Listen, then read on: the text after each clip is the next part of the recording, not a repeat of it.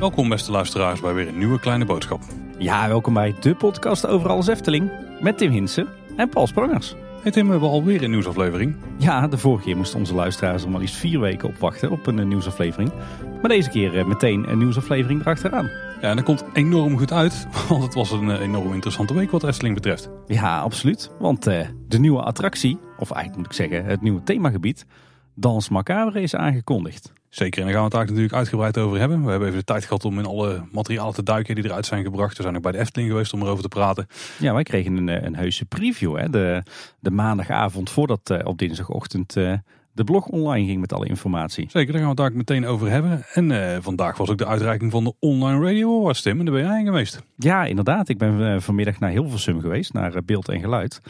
En eh, ja, helaas eh, niet gewonnen. De award voor beste podcast van 2022. Lag misschien ook niet in de lijn der verwachtingen. Hebben we trouwens iets van een juryrapport gehad of zo? Nee, nee, nee. We hebben geen, eh, geen rapport gehad. Oh, dus we hebben er eigenlijk helemaal niks aan gehad. Je bent gewoon op en neer gereden. Ik heb in totaal vier uur in de auto gezeten. ja, maar ik heb, ik heb op zich wel een gezellige middag gehad eh, in beeld en geluid. Gezellig samen met Bjorn. Die was jouw stand-in weer deze keer. Wederom bedankt. Ja. En eh, nog een paar eh, leuke luisteraars gesproken. Marjoni natuurlijk ook eh, gesproken hè, van Hallo Kids Radio. Nee, het was, was een leuke middag. Alleen de terugweg zat een beetje tegen. Dus ik was tegen achter thuis. Gouden kinderen in bed gelegd. Negen mini krentenbollen eh, in mijn mik gedouwd. En hier zit ik weer in de studio van Kleine Boodschap. Dat is toch een soort dinerbuffet. ja, alles, alles voor de podcast, zullen we maar zeggen. Hey, ondanks dat er maar een weekje tussen zit, hebben we toch wat follow-up. Meteen al op de vorige aflevering. Hoe zit het met die houten driehoekconstructies in Archipel? Ja, we kregen een, eh, een mailtje van eh tribuneklanten. En hij geeft aan dat eh, de vakterm voor zo'n eh, zo'n houten driehoekje boven een, een, een deur of een raamopening, hè, zoals die nu bij de hutjes van Archipel hebben gemaakt, dat dat een gable is. In de Engelse architectuur gebruiken ze dat woord. En als je dat vertaalt, dan betekent het trouwens gewoon geveltop. Dat klinkt vrij logisch, ja. Ja, inderdaad. En zo'n geveltop wordt trouwens ook wel eens timpaan genoemd. Maar dat komt dan meer uit de klassieke bouwkunst. Weer wat geleerd met z'n allen. En dan meteen door naar de hoofdonderwerpen. We zeiden het net al, Dans Macabre is nu officieel aangekondigd. We wisten al dat Spookslot de vervanging ging horen voor een nieuw themagebied met Bio en attractie. Maar officieel was dat ook het enige wat we wisten. Oh ja, we wisten ook nog dat 25 miljoen ging kosten trouwens. Ja, precies. Maar dat was het wel. Eh, maar inmiddels hebben we eh, een aantal details gekregen. Uiteraard nog niet alles, want de Efteling die zal in de loop van de tijd veel meer gaan communiceren over. Op dinsdagochtend 17 mei om half tien stond op het Efteling blog en ook in wat persberichten die werden rondgestuurd informatie over het nieuwe project. Het gaat dus Dans Macabre heten. Ja, inderdaad. De nieuwe attractie. eh, en onderdeel van een nieuw themagebied hè, van in totaal 17.000 vierkante meter. Er was dit keer geen grote krant of zo uitgekozen die een soort van primeur kreeg. De Efteling heeft het gewoon op eigen houtje gecommuniceerd. Maar wij kregen als fanmedia dit keer een preview. Ja, dat was heel bijzonder inderdaad. Wij hadden een eh, speciale avond op eh, maandagavond 16 mei, dus de maandag ervoor, onder embargo. Eh mochten op bezoek komen in het theaterrestaurant Applaus. Met ja, zo'n beetje alle bekende fanmedia. Hè. Wie, wie waren er allemaal? Wij waren er dus. Ochtend in Pretparkland, Eftelist, eh, de abonnementhouders, Facebookgroep, Theme Talk, Bart Baan, Niels Kooijman. eh, Team Park Science was er nog. De Vijf Zintuigen natuurlijk. Adrie van Park Planet. En waarschijnlijk vergeten ze nog wel een paar. Maar in ieder geval alle, alle grote namen uit de fanwereld waren er. eh, dus dat was heel tof. En daarnaast waren Jeroen Verheij en Sander de Bruin er. Laten we die vooral niet vergeten. En die kwamen ja, de plannen voor Dans Macabre toelichten. En eigenlijk wel heel cool. Dus nog voordat wij het fanmedia event hadden, echt een half uur of een uur ervoor. Toen is er al door de Efteling zelf richting de medewerkers het een en ander gemeld. In een één op één video die Jeroen Vrij had gemaakt voor, eh, voor de alle medewerkers. En daarna waren wij dus aan de beurt. En de ochtend daarna is alles dus wereldkundig gemaakt. Ja, en wel belangrijk om te weten. Wij kregen- die maandagavond eh, eh, eigenlijk precies hetzelfde te zien. Als wat iedereen eh, de volgende ochtend op de blog kon zien. Hè. Een concept art, een plattegrond en een tweetal filmpjes. Alleen hadden wij wel de gelegenheid om achteraf volop vragen te stellen aan Sander en Jeroen. En dat hebben we natuurlijk met z'n allen ook gedaan. Want daar zijn we allemaal flink opgetraind. En ondanks dat ze niet heel veel los konden laten, zijn we stiekem zo tussen de regels door er toch wel wat van opgestoken. Dat gaan we jullie dadelijk natuurlijk allemaal vertellen. En wat ook wel heel bijzonder was, is dat we daarna nog eh, naar het spookslot zijn gelopen met eh, alle Efteling-liefhebbers en met Jeroen en, eh, en Sander. was ook tof om te doen. Nou, leuke borrel achteraf. Het was een, eh, een toffe avond. Ik heb daar heel erg van, uh, van genoten. Denk ik meer dan van ons, uh, ons optreden bij de Online Radio Awards uh, vandaag. Maar goed, het zal voor niemand een verrassing zijn dat deze nieuwsaflevering toch al grotendeels in het teken staat van die plannen voor Dans Macabre. Wat je al zei, Paul, een voordeel van het feit dat we deze keer geen bonusaflevering hebben uitgebracht, is toch wel dat we een aantal dagen de tijd hadden om al die filmpjes en tekeningen helemaal uit elkaar te trekken tot in het kleinste detail. En nou, we gaan jullie meenemen in al datgene wat er gedeeld is. Dus een aantal van de dingen die de Efteling gedeeld heeft eh, zijn het eh, blogbericht. En daarbij zaten twee video's. Eén eh, die echt de sfeer van de attractie moest weergeven. Eentje die een soort, ja, eigenlijk de Q&A die wij zeg maar hebben gehad. Daar zat een soort van introductiestuk aan. Die hebben ze in videovorm uitgebracht. En die video hebben we uiteindelijk daar ook nog bekeken. En een stuk concept art en een plattegrond. Zeker. En wij hebben dan nog dus de Q&A mogen doen. En, eigenlijk alle dingen die we hebben geleerd, ja, daar gaan we nu doorheen lopen. Ik denk dat we eerst eens op hoofdniveau moeten beginnen. De nieuwe attractie gaat dus Dans Macabre heten. Of het themagebied ook dezelfde naam gaat krijgen is nog niet helemaal zeker. Maar het gaat steeds over de attractie die Dans Macabre heet. Het themagebied gaat in totaal 17.000 vierkante meter beslaan. Nou, welk gebied het is hebben we eerder al besproken. Het is gewoon het gebied rondom het huidige spookslot en het, uh, het plein wat er ligt. En een stukje van het heksenpad en een stukje richting Max Moritz. Dat is stiekem een fors gebied op al. Dat is uh, zeker een flink gebied. Het gebied zal attractie bevatten, maar ook horeca, souvenirwinkel en bijpassend entertainment. En tussen de regels door denk ik toch wel opgevangen te hebben dat we ook nieuwe toiletten gaan krijgen. Ja, we hebben ze voor het blok gezet, hè? Voor het, uh... voor het toiletblok. ja. En uh, daar kwam, uh, ja... Er kwam geen ontkenning uit. Nee, precies. Een, duidelijke niet-ontkenning kwam eruit. Nou, de planning is om het in 2024 te openen. En in een attractie die Dans Macabre heet, er wordt natuurlijk een bepaald muziekstuk gebruikt. Ja, inderdaad, de attractie wordt vernoemd naar het, eh, het bekende muziekstuk. Ja, en die muziek die we natuurlijk al, eh, al kennen uit eh, het huidige spookslot. Die zal straks de rode draad vormen van die nieuwe attractie. de omgeving wordt trouwens een mysterieus decor. met in het centrum het, het attractiegebouw van 20 meter hoog. En de Efteling zegt er zelf over. Het wordt griezelen in de Efteling als nooit tevoren. En dat is iets wat we ook duidelijk terugzien in de concept art en het, het filmpje. En ook iets wat ons sterk op het hart is gedrukt door ontwerpers. Ja, het mag, uh, het mag absoluut eng worden, deze attractie. Zeker. Ja. Uh, trouwens, over die 20 meter, uh, dat is vrij vergelijkbaar met de huidige toren van het spookslot. Alleen krijgen we hier natuurlijk niet, niet zozeer een toren van 20 meter hoog, maar is het hele gebouw 20 meter hoog. Maar goed, daarover later meer. Tim, een van de dingen die wat mij betreft nog een beetje onderbelicht is gebleven, en eigenlijk alle dingen die we hebben gehoord van andere fanmedia, is wat denk ik het doel was wat de Efteling had. En dat is heel erg de nadruk leggen op van wat nou de sfeer is en wat het verhaal is wat ze willen vertellen rondom die nieuwe attractie. Want wij zijn allemaal nerds, wij duiken meteen natuurlijk de potentiële attractietypes in, oppervlaktes, dat soort zaken. Gaan we dadelijk uiteraard ook doen. Um, maar de hele um, sessie die wij hebben gehad en ook het, het, blogbericht en ook de video die erbij zat, die ging heel erg over de sfeer die daar dadelijk in die nieuwe attractie komt te liggen. En volgens mij was het hele doel namelijk ook van, uh, van deze exercitie om ja, duidelijk te maken aan alle fans en iedereen die, die, die het heel jammer vond dat zoiets griezeligs uit de Efteling zou gaan verdwijnen, dat er gewoon weer iets vergelijkbaars voor terugkomt. Ja, een waardige vervanger van het spookslot. Eigenlijk een, uh, ja, een moderne reïncarnatie van het spookslot. Hè? En van alle materialen die zijn uitgebracht was het teaservideo wat dat betreft echt de sterkste uh, manier waarop je die sfeer al een beetje kon proeven volgens Sander en Jeroen.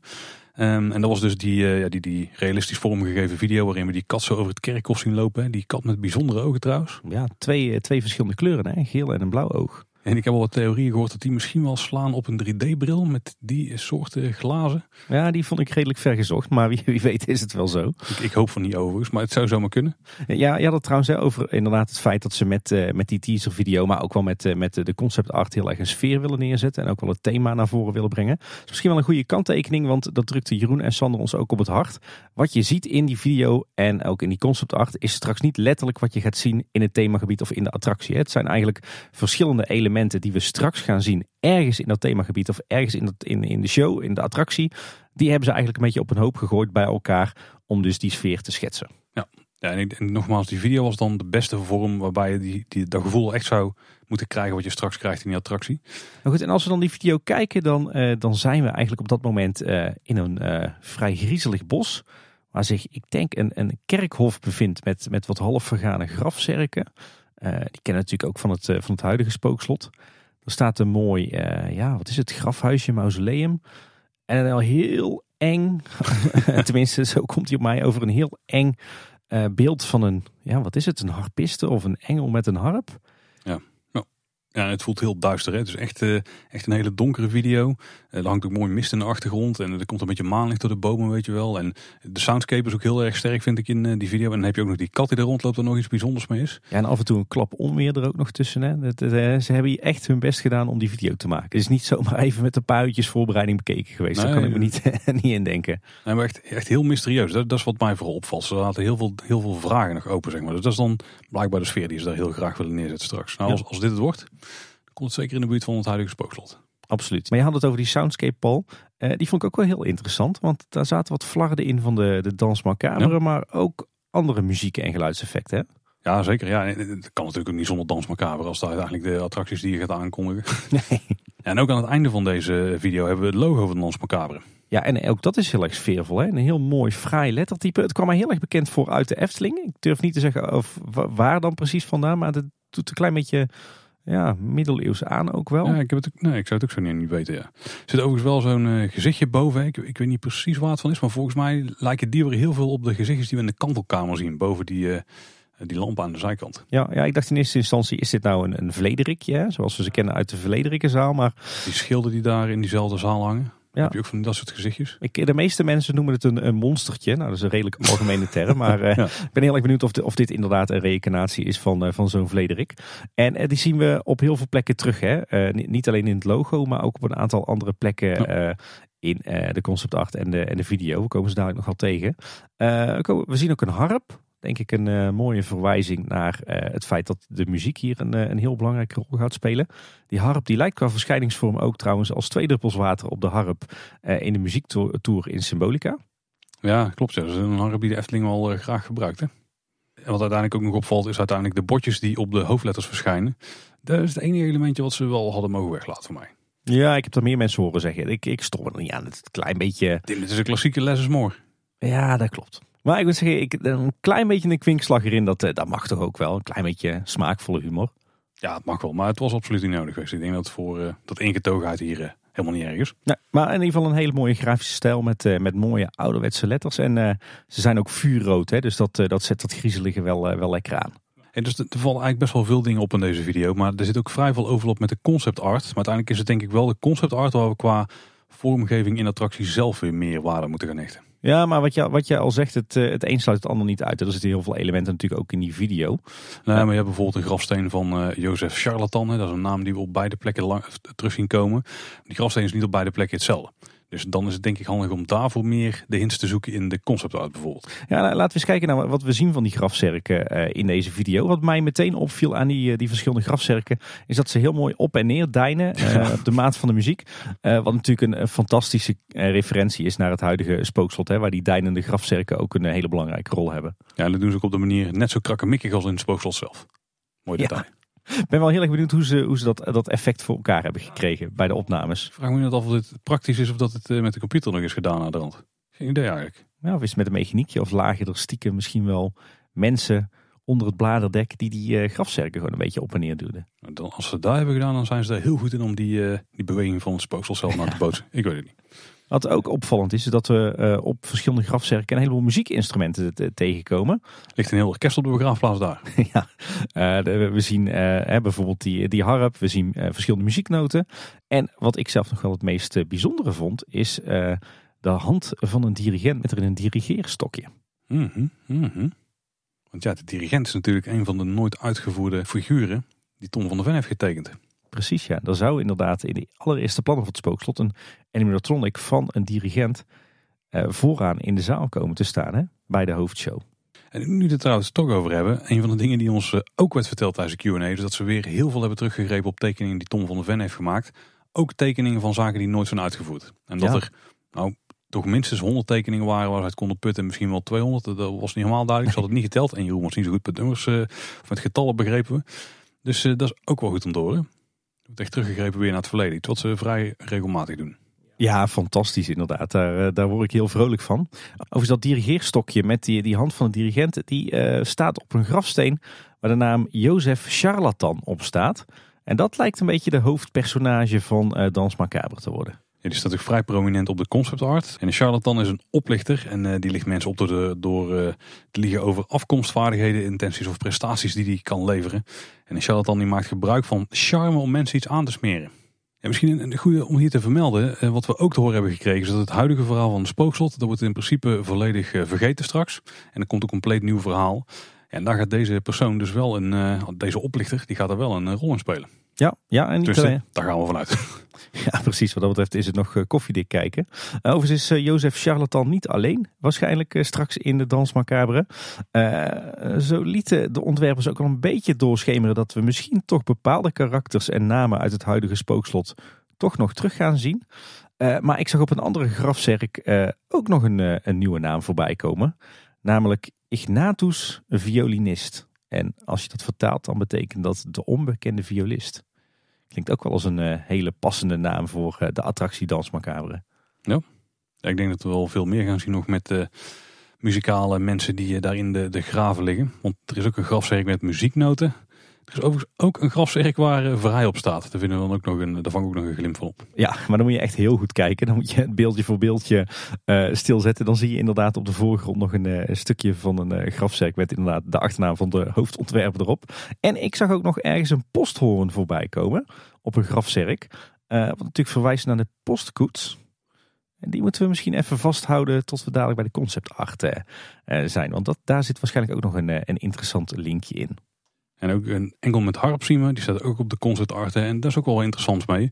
Daar komt sowieso een, een vrij creepy traan uit het oog rollen. ik vind dat sowieso een doodeng beeld hoor.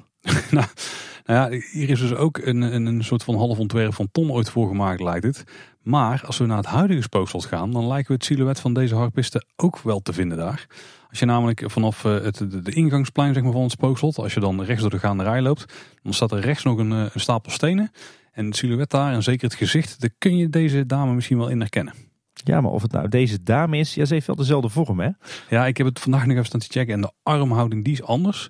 En het gezicht lijkt er wel heel veel op. Maar ja, de, de, de versie zoals je in het park te vinden vindt, die is echt heel ruw, zeg maar. Hè. Dat is echt gewoon gemaakt uit hele stenen, uit hele bakstenen, zeg maar. En die een beetje afgebrokkeld zijn. Maar het gezicht zou zomaar kunnen. Het, het, heeft toch ook wel wat weg van die, die tekening van Ton van een harpiste. We zullen trouwens ook even een linkje naartoe plaatsen in de show notes. Want een van onze luisteraars die viel dat op. Maar ja, ik denk dat ook dit beeld wel een hele belangrijke rol gaat spelen in de attractie. Dat is in ieder geval nu een hele prominente rol in, uh, in deze teaser video.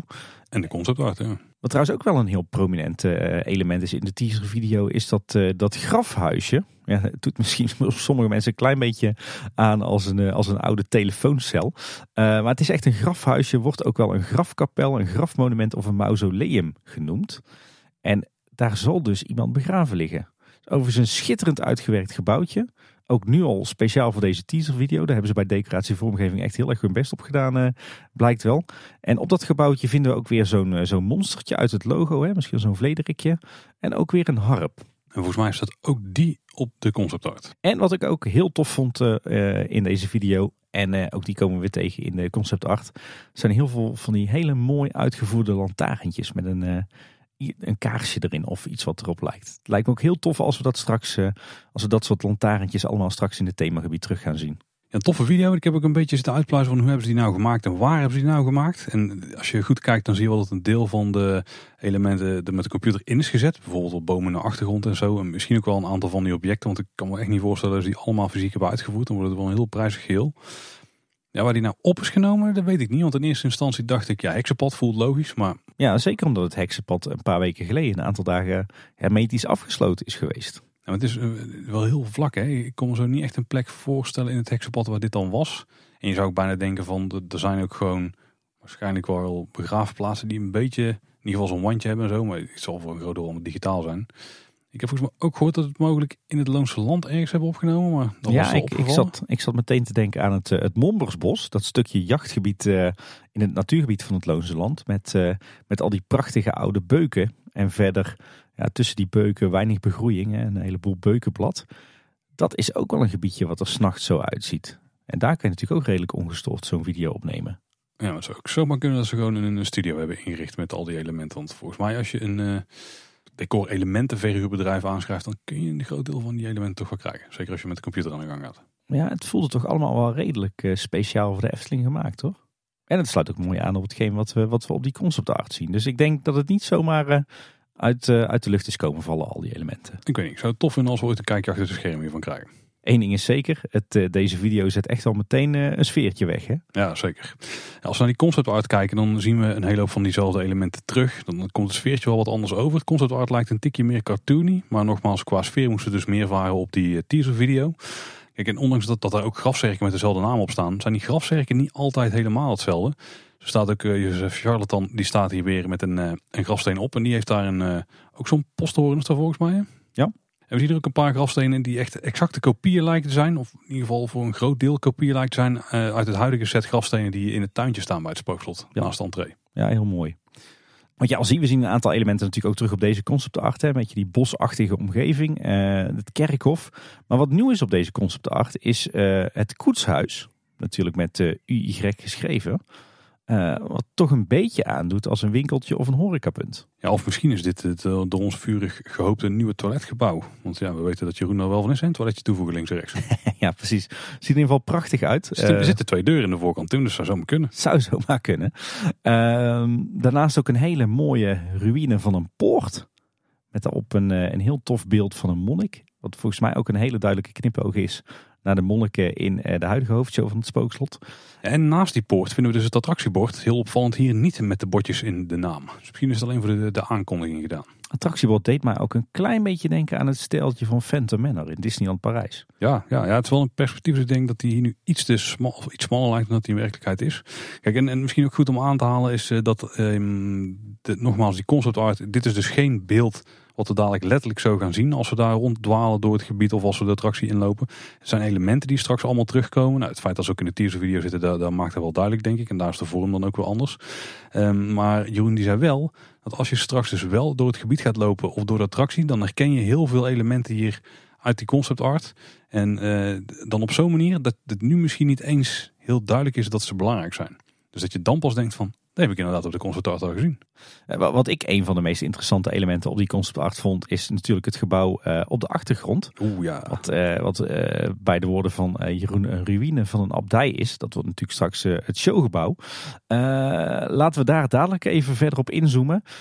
Wat je al zei, Paul, er zitten best wel wat elementen uit die teaser ook weer in deze concept art. Toch een teken dat het, dat het niet zomaar erbij is gepakt of, of is ingehuurd van een, een decorbedrijf. Ehm, naast die grafzerken zien we ook hier weer dat behoorlijk enge beeld van die harpisten. of van die engel met die harp terug. dat hele mooie grafhuisje staat ook op de concept art. En ook de verschillende prachtige lantaarntjes. En de kat met het gele en blauwe oog komt ook weer voorbij. Maar er zitten ook best wel wat nieuwe elementen in deze concept hè, die we niet tegenkomen in de video. Ja, als we het over de dieren hebben inderdaad, er staat een kraai hierop. Die heeft wel iets weg van. Onder andere de kraaien bij Doornroosje bijvoorbeeld. Ja, de kraai bij Doornroosje inderdaad. Het deed me ook een klein beetje denken aan aan de, de nare variant van krakeeltje, de kraai bij het kapje. En we hebben ook hier vleermuizen hangen. Er vliegen er een paar er hangen er ook een aantal in de bomen. En als we trouwens over die bomen hebben, die zijn ook heel tof ingetekend. Ik hoop echt dat ze dat sfeertje, dat soort bomen, dat ze die ook in het echt kunnen realiseren. Ja, ja, er staat zelfs ook één typisch pieksenboom tussen. Zo'n boom zonder blad, helemaal zwart. Met echt van die, van die hoekige, puntige takken. Ja, Echt zo'n zo'n boom zoals Anton Pieck die altijd graag tekende in zijn, zijn winterse prenten. Ja, dat zijn eigenlijk bijna alle bomen die op de voorgrond staan. Hè? Ja. Ik heb het trouwens ook nog aan Jeroen gevraagd hoor. Ook, uh, ook die zwarte kat. Want die zwarte kat is natuurlijk ook een element wat we kennen uit het Sprookjesbos. Hè? De, de kat bij Hans en Grietje. Maar als je, als je een beetje bekend bent met het werk van Anton Pieck. Dan heeft Anton Pieck had er altijd wel een handje van om zwarte katten te tekenen. Uh, uh, die vind je altijd wel ergens terug in zijn tekeningen. En Jeroen die bevestigde inderdaad dat zowel die typisch Piekse bomen als die katten dat de inspiratie daarvan inderdaad toch echt al van typische Anton Pieck prenten vandaan kwam. Dus voor Dans Macabre wordt niet alleen geput uit de vele tekeningen van Tom van de Ven van het Spookslot, maar zelfs uit het werk van Anton Pieck. En die kat die zit ook al in het huidige Spookslot. In ieder geval qua audio. Ja, inderdaad, in de Vlederikenzaal. Ja, daar hoor je ook de katschreeuw, vergelijkbaar met die in het Sprookjesbos. En uh, Misschien is het ook wel de reden dat ze die kat nu hier in Dans Macabre hebben aangehaald. Je had het al over de, de vleermuisjes. Hè. Er hangen er een aantal op zijn kop uh, in, in die bomen. Maar er vliegt er ook eentje voorbij. En volgens mij is die ook een, uh, een knipoog naar het verleden. Want die doet mij volgens mij heel erg denken aan, uh, aan een grafische uiting die al eerder in het verleden is gebruikt voor het spookslot. Volgens mij zelfs pictogrammen op de plattegrond. En ook als we naar de flora kijken, dan zijn er een paar dingen die opvallen. Er staan er wat paddenstoelen ingetekend echte Eftelingse paddenstoelen. Hè? Ja, en ze staan er ook wel heel, heel erg duidelijk op. Het is niet een stukje aankleding of zo. Dus ik vermoed dat we er ook nog wel iets van terug gaan zien. En heel veel distels, denk ik. Ja, ja we zien er twee in eh, de concept art. Hè? Die, uh, die paarse bloemen. Dat is meteen goed om te zeggen. Eh, de concept art die de Efteling dus heeft gedeeld op de blog en zo, die is liggend. En, maar er is ook op social media een vierkante vorm gedeeld. En die is net iets groter. Daar zie je net iets meer van, van de concept art. En dan staan er nog meer van die distels op. En ja. dan ligt er ook nog een grafsteen rechtsonder in de hoek trouwens. Ja, klopt inderdaad. Dat had jij, had jij goed opgemerkt. Uh, die bloemen die zijn waarschijnlijk uh, speerdistels of Maria-distels. Daar is zelfs al onderzoeken naar door onze luisteraars. En uh, waarom nou distels? Nou, die werden van oudsher gezien als vervloekte planten, als een soort straf van God. Dus die passen natuurlijk ook goed bij dat hele spooky sfeertje. waar ik heel erg benieuwd naar ben, is of we die bloemen straks terug gaan zien in de attractie. En of die dan ook open en dicht gaan. Ja, dat is natuurlijk ook zo'n zo'n typisch Eftelings uh, techniekje, wat al stamt uit de tijd van Peter Reiners. Overigens bedacht Peter Reiners die, uh, die bloemen die open en dicht gingen. Volgens mij met behulp van een, de binnenbal van een voetbal die werd opgeblazen. Die bedacht hij oorspronkelijk voor de oude uitvoering van de Chinese nachtegaal.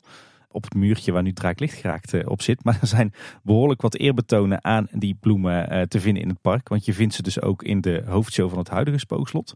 Dan zie je ze helemaal links op de muur open en dicht gaan. Uh, maar ook in uh, de nieuwe uitbeelding van de Chinese nachtegaal zitten ze.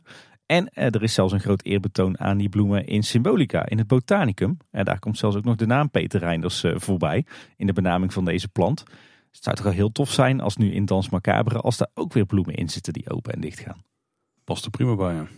Als trouwens naar die takken van die bomen kijken, zit ook wel wat grapjes in verstopt. Hè? Zo kun je vrij duidelijk een spooksilhouet herkennen. En er zit een mogelijke qua gezicht in verstopt. Ja, daar heeft Jeroen uh, zijn best op gedaan. Uh, wat trouwens ook leuk is, is dat je ook her en der wat oogjes in de bossen verstopt ziet zitten in de concept art. En dat is dan misschien weer een leuke verwijzing naar de lichtgevende oogjes die we her en der in het Sprookjesbos terugvinden. Zeker. Het is eigenlijk één samenraapsel van referenties naar reeds bestaande spookachtige elementen in de Efteling. Overigens kwam uh, onze luisteraar Giertje 64 nog wel met een interessant punt. Want we hadden het net al over uh, de, de posthoren en de postkoets en het koetshuis. Wat wellicht wel horeca of merchandise wordt. Uh, maar Giertje 64 wees ons erop dat dat ook een referentie kan zijn naar het oorspronkelijke gedicht van Henry Casalis. Waar natuurlijk de Dans Macabre op geschreven is. want daarin gaat het ook al over een arme wagenmaker. Dus mogelijk is daar weer die link met dat koetshuis. Wow. Ja, het gaat, eh, het gaat heel diep al. Uh, we zullen trouwens ook een linkje in de show notes zetten naar dat oorspronkelijke uh, gedicht. In het Frans, maar het staat er ook op Wikipedia in een vertaalde Nederlandse versie. En als ik dit dan zo zie, dat koetshuis, dan zou het zomaar eens kunnen dat, dat Jeroen Verheij dat gedicht ook heel goed bestudeerd heeft voordat hij ging tekenen. Want volgens mij zitten er ook al wat elementen uit dat gedicht in deze afbeelding. Je zullen eens gaan kijken naar het showgebouw. Want we hebben dus eigenlijk twee dingen van gezien. We hebben de situatietekening en we hebben dus eh, de, ja, de achtergrond van de concept art. Waar we dan een glimp van het gebouw kunnen opvangen. En als we de situatietekening zien, dan zien we dat het een, een groot rond gebouw is met een vierkante aanbouw. En die aanbouw zit dan aan de zijde van het huidige voorplein. We weten niet of dat die situatietekening dat die echt op schaal is. Ik vermoed van wel. Want het voelt wel als wat daar zou kunnen passen. Het, het, zag er een beetje uit alsof ze zeg maar de, de, de technische tekening, dus de technische situatietekening, dat ze die lijntekening hebben gepakt op de luchtfoto hebben geplakt. En dat ze die nog een beetje hebben opgesmukt met wat, uh, wat, wat kleurtjes en wat invulling. Maar als je, als je goed inzoomt, dan lijkt het toch echt op dat er wel echt een technische tekening achter ligt. Ja, ik denk wel dat we hebben versimpeld hoor. Want als we al van de concept art uitgaan, dan zitten al wat uitbouwtjes en zo aan uh, het, uh, het gebouw die niet in die situatietekening kunt zien. Maar het wordt in ieder geval in het algemeen een groot rond gebouw. Ja, de details daarvan die kunnen al een beetje opvangen uit die concept Ja, inderdaad. Uh, Jeroen noemde het zelf de ruïne van een abdij. Maar uh, ik heb er samen met wat mensen van de redactie uh, de architectuurboeken weer bijgepakt. En uh, de boeken over kerken en abdijen. En het lijkt toch het meest op een straalkapel. Mm Wat uh, vaak onderdeel was van een gotische kerk. En een straalkapel was dan zeg maar het gedeelte wat je helemaal achteraan het kerkgebouw vond. Wat, uh, wat half rond was. Bijvoorbeeld de Sint-Jan in Den Bosch heeft een prachtige straalkapel. Uh, het gebouw heeft overigens ook al wat weg van een Romaanse kerk. die had je ook in, in cirkelvormen, hè, zoals je die, die ook ziet op de concept art en op, het, op de situatietekening. Maar als je vervolgens goed kijkt naar die concept art, dan zijn eigenlijk alle stijlkenmerken toch wel echt gotisch. Uh, dus ja, dat doet toch vermoeden dat het gaat om de straalkapel van de Gotische kerk. Nou, dat zien we allemaal op die concept art. Trouwens, echt wel een heel mooi hoor. Uh, heel veel van die typische gotische ramen. Hè. Dat zijn van die, van die hoge ramen die in een punt toelopen. Een aantal daarvan zit ook een lichtje achter. Zou heel tof zijn als, het, als we die straks ook gaan krijgen in dat showgebouw. Een aantal steunberen. Uh, mooie sluitstenen boven uh, de raampjes. Wat zijn steunberen? Er zijn geen dieren, neem ik aan. nee. Uh, ja, hoe ga ik dat nou uitleggen? De, de, meeste gotische kerkgebouwen, die, je hebt zeg maar het middenschip, dat is het hoge gedeelte van het gebouw. En daar staan ook wat lagere gedeeltes naast. En de steunberen zijn eigenlijk een soort gemetselde luchtbruggen die ervoor zorgen dat, ja, dat het gebouw niet uit elkaar spat, zeg maar. Ja, eigenlijk een soort van togen die er tegenaan zijn geplaatst. Ja, een beetje ja, hellende ja. togen. Ja. En vaak eh, werden die uh, zeker uh, op de wat, op de, de, de wat duurdere kerken, zeg maar, waar, of althans in de wat rijkere gemeentes, werden die ook versierd met allerlei dierfiguren en mensfiguren erop. Dus wie weet gaan we dat hier ook nog wel terugzien. Alhoewel, het is wel echt een ruïne. Hè? Dus ik kan me voorstellen dat die er van af zijn gevallen. Ja, en hele toffe elementen. Ja, Paul, we hadden natuurlijk bij de Kleine Boodschap Bingo al de pironnen, maar we krijgen hier pinakels. Pinakels, ja, je moet het maar even, even opgoogelen. Dat, uh, dat zijn eigenlijk, uh, ja, je zou kunnen zeggen, hele ranke kleine torentjes. En die zien we ook een aantal terug uh, rond het, het showgebouw op die concept art. Echt, echt heel mooi. En wat tot slot ook nog opvalt is dat het, het dak een koepel lijkt te zijn. Wat ook wel past bij zo'n zo'n straalkapel. En die is deels ingestort ben heel benieuwd hoe ze dat, uh, dat gaan weergeven. Wel heel tof. Ik heb altijd wel een zwak voor koepels in, uh, in pretparken. Fata Morgana is natuurlijk een goed voorbeeld van. En we zouden ook een prachtige koepel krijgen bij uh, Hartenhof. Hè, zeg maar de eerste versie van Symbolica. Nou, die is het daar uiteindelijk uitgestreept. Maar het lijkt erop dat we hier een hele vette, half ingestorte koepel gaan krijgen op het, het showgebouw van Dans Macabre. Het zal een groot mooi plat dak worden waar wat decorelementen op staan die, die indruk moeten wekken. Dus ik ben benieuwd hoe dit in de praktijk eruit gaat zien. Maar het wordt vast tof je nou die zeepbel kapot laten spatten, Paul? Nee, want we hebben het in de praktijk gewoon gezien, Tim. Misschien bouwen ze een heel dak en gooien ze gewoon een groot sloopkogel in. Dat kan ook, hè. Maar ik vermoed van niet. Iets wat mij trouwens ook nog opviel in die, die concept art is, het is natuurlijk een cirkelvormig gebouw, maar er zit wel een bepaalde opbouw op in hoogte. Hè. je hebt zeg maar het, het hoofdgedeelte van het gebouw, wat straks is die 20 meter hoog. Maar er zit ook nog een lagere cirkel omheen. Ja, maar ik weet dus niet of dat die het gehele gebouw omslaat. je zou, je zou toch bijna denken dat dat, dat hoge gedeelte van die cirkel, dat daar de attractie in zit. En dat dan dat lagere gedeelte, dat dat de wachtrij wordt die zo om dat showgebouw heen krielt. Ja, zou kunnen. En nou een concept waar nou nog verder op inzoomen, lijkt het wel dat hij in ieder geval een deel van het gebouw omsluit. Ja. Ja, en kijken we dan nog even naar de, naar de situatietekening. Dan uh, valt op dat de omvang van het, uh, het gebouw uh, ja, redelijk vergelijkbaar is met het huidige spookslot. Nou ja, lijkt zelfs iets kleiner te worden, want ik ben uiteraard aan het meten gegaan. En daarbij kwam ik uit op ongeveer een doorsnede van het nieuwe gebouw van 30 meter.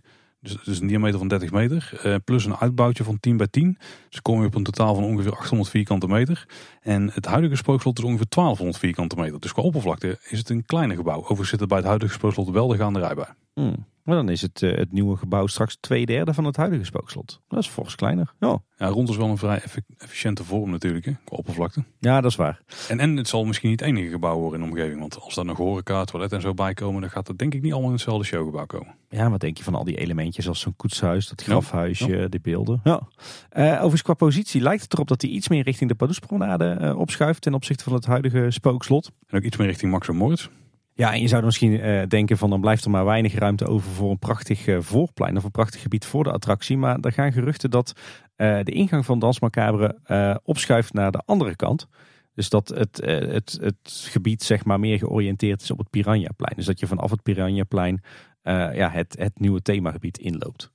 Ja, want qua routing of zo en een paardenstructuur weten we nog helemaal niks. Daar kun je ook niks van aflezen van die situatietekening. Maar ik vraag me heel erg af, kunnen we straks nog wel vanaf de, de entree van Fabula richting het Spookslot of richting Dans Macabre lopen? Niet zeker. Misschien moet je daarvoor nee. omlopen.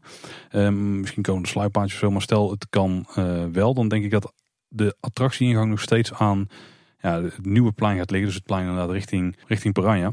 Want dat is eigenlijk gewoon heel praktisch hè? als je de ingang en de uitgang van de attractie aan dezelfde kant op. Ja. Want ja, dan kunnen de mensen op dezelfde plek wachten, die gaan daar bij de horeca zitten. Dan krijg je niet het probleem van nu dat je aan de voorkant erin gaat en dat je maar moet kijken waar mensen eruit komen.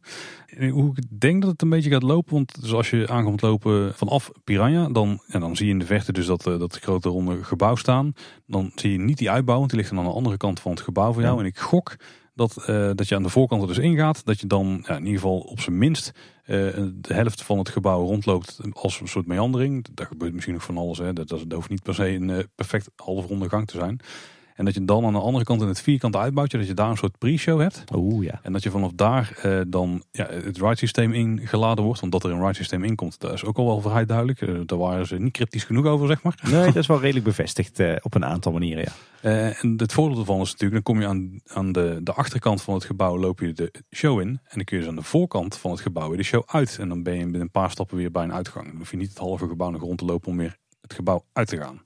Kijk, en dan kun je de, de ruimte zeg maar, aan de Piranha-zijde van, uh, van het nieuwe showgebouw kun je echt inrichten als het, het nieuwe themagebied. En aan de andere zijde, aan de zijde van de Doucepromenade, kan je juist het gebied inrichten als een perfecte ingang tot Fabula. Ja, en dan heb je niet meer dat die twee dingen zo botsen zoals nu het geval is. Precies, precies. Iets wat mij nog opviel bij uh, toen wij de situatietekening in, uh, in applaus voor het eerst zagen, is dat het, het showgebouw En dus eigenlijk maar heel compact is en dat die slechts een heel klein deel vult van het volledige themagebied. Want dat heeft de Efteling natuurlijk netjes uh. Ik stelde die vraag ook aan uh, Jeroen en Sander van wat gebeurt er nou mee? En uh, zij gaven aan dat die resterende ruimte wordt ingevuld met ja, een beetje als een soort plein. Maar ook met een hoop groen. Uh, nou, dat laatste, daar worden we natuurlijk ontzettend vrolijk van. Hè? Als je de, de teaser video en, uh, en de concept art ziet, dan is het bos, bos, bos, bos, bos. Nou, laten we hopen dat er ook zo ontzettend veel bos uh, terug gaat komen. Want dat missen we toch wel op die plek. ja, en er zijn natuurlijk ook heel veel elementen die we, die we al zien in die concept art. Hè. Denk aan al die grafzerken die, die samen een soort kerkhof kunnen vormen. dat, dat grafhuisje, dat koetshuis. Die prachtige poort met die monnik erop. Dat, dat spooky beeld van zo'n engel. Al die lantaarntjes. Ja, eh, natuurlijk zat elementen. En een heleboel elementen die waarschijnlijk nu nog niet op tekening stonden. Uh, waarmee je zo'n themagebied kunt invullen. Ik kan me op dit moment eigenlijk alleen maar voorstellen dat we dadelijk uh, onszelf gaan parkeren bijna op een kerkhof als we daar uh, iets willen eten of zo. Weet je dat ik misschien nog wel meer benieuwd ben naar de, de totale buitenruimte met al die losse elementen dan, dan wat er in het showgebouw zelf gebeurt? Nee, ik heb bijna hetzelfde, maar het is ook redelijk 50-50. Trouwens, misschien één tof ding om te melden. Toen wij de concept art voor het eerst te zien kregen, dus bij de Efteling zelf, toen zat niet het logo op het gebouw, maar daaronder is niks interessants te zien. Dat kan ik je vertellen. Die lijnen die je ziet lopen, die lopen alleen maar door. Er staan nog een paar van die streepjes met zo'n rondje eraan. Er stond niks van interessante informatie onder. Goed om te weten.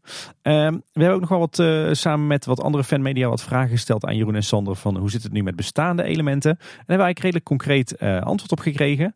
Het Silent Vergat blijft gewoon staan waar die nu staat. Je ziet namelijk dat de Efteling uh, het Silent Vergat nu op de situatietekening niet meer gearseerd heeft. Was wel in een, in een eerdere versie die we eerder dit jaar te zien kregen. Maar nu hebben ze hem bewust gespaard. Dus die blijft gewoon staan. het heksenpad blijft ook grotendeels ook een groot gedeelte van het bos daar. Het kan wel zijn dat ze iets meer opschuiven met het showgebouw en het themagebied richting dat heksenpad. Hoeven niet bang te zijn dat dat pad of het groen daar verdwijnt.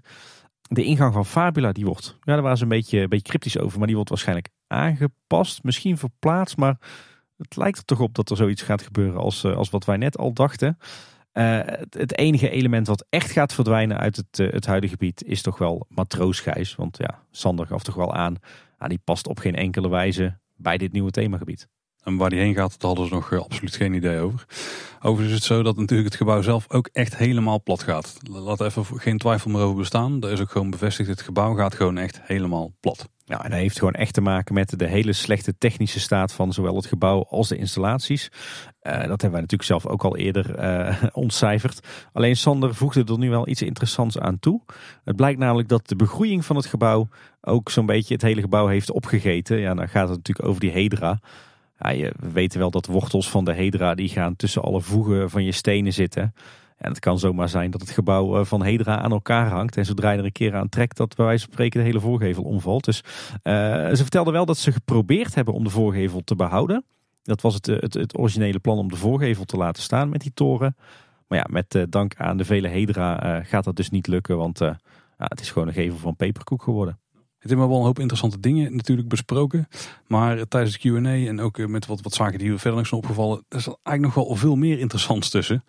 Een paar dingen die namelijk heel concreet zijn gemeld is dat de doelgroep 8 plus gaat worden van het hele project. Ja. En toen we er een beetje op gingen doorvragen, ja, er lijkt dus een ride systeem in te komen. En er is ook wel redelijke kans dat er een, een minimum uh, ride height, zeg maar, minimale lengte restrictie gaat komen. En dan denk je misschien, ah, dat is wel balen, want in het huidige spookslot, ja, daar, kan, daar, daar, kunnen de allerkleinste al in bij wijze van spreken, als ze durven. Maar het huidige spookslot had ook altijd als beoogde doelgroep 8 plus. Ja, inderdaad. Er zijn nog, uh, nog wat foto's op, uh, op te vinden van het, uh, het oorspronkelijke bord. Ik kan me ook wel herinneren hoor. Ik weet wel, in, in de tijd dat ik zelf als kleine jongen rondliep in de Efteling was het al een adviesleeftijd.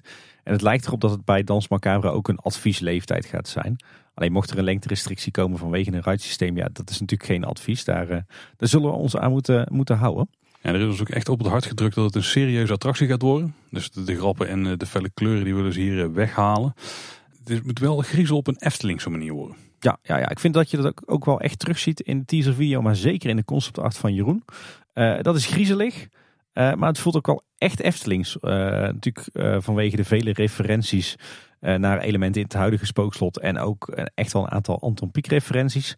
Maar sowieso, het voelt ook wel als een echt Eftelingse benadering van het, het griezel. Hè? Die, die Eftelingse kleuren zitten erin, de Eftelingse lijnvoering. Het voelt bij mij meteen alles wat ik tot nu toe heb gezien, voelt wel als echt Eftelings. Nou, wat ik wel mooi vind is dat um, ik had die discussie met uh, luisteraar Maarten. Uh, en die, uh, die kwam met een mooie term die ik nog nooit eerder had gehoord. En die zei ja, iedereen die valt een beetje over van het mag niet, er mag geen humor of zo in zitten. Of het moet echt heel serieus zijn. Maar het huidige spookslot bevat die elementen van humor ook echt wel. Er zitten bijvoorbeeld grapjes in de wachtrij. Hè, dus met die, die deur waar je in trekt en die, die dan weer dicht trekt. De slang die in scène links langs de wachtrij zo naar je toe springt. Maar heel veel van de vormgeving is ook niet super serieus of zo. Als je kijkt naar de waterspiels in de hoofdshow. Nou, die hadden het bijna uit een Disney film, uit de Hunchback of de Notre Dame kunnen uh, kunnen vliegen, zeg maar. Ja, ja de Oosterse geest is natuurlijk ook zo'n gek ding. Die, die schedels op een rij uh, is ook zo'n gek element. Ja, ook die gezichtjes in de, de Vlederikkenzaal, zeg maar, die zijn uh, vrij vreemd. En dan komt hij wel terug en hij had er dus een mooie term voor. En dat was een sfeertje met een grimlach.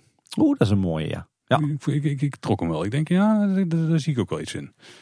Dat, dat zit erin inderdaad. Wat er ook al echt in zit is, is toch echt al een beetje dat donkere duistere. Hè? Iets wat natuurlijk typisch Eftelings is. Volgens mij hebben wij uh, we hebben ooit een aflevering gemaakt waarin we onszelf de vraag stelden. Wat is nou typisch Efteling? Uh, of typisch Eftelings? En als laatste criterium kwam daar wel uit naar voorschijn dat het ook best wel duister en donker en grimmig mag zijn. Ja, en dat is toch iets wat je ook wel echt terugziet in die concept art en zeker ook in de teaser Ze zoeken echt wel de grenzen op. Hè? Het, het, het, het hoeft niet altijd uh, mierzoet te zijn en het hoeft niet altijd voor iedereen lief en aangenaam te zijn. Het mag ook best wel even de grenzen verkennen. Hè? Iets wat we natuurlijk ook zien bij het meisje met de zwavelstokjes en het, uh, het kasteeltje van uh, de stiefmoeder van Sneeuwwitje in het Sprookjesbos. Ja, dit, dit heeft ook wel echt een, een hele donkere, duistere kant.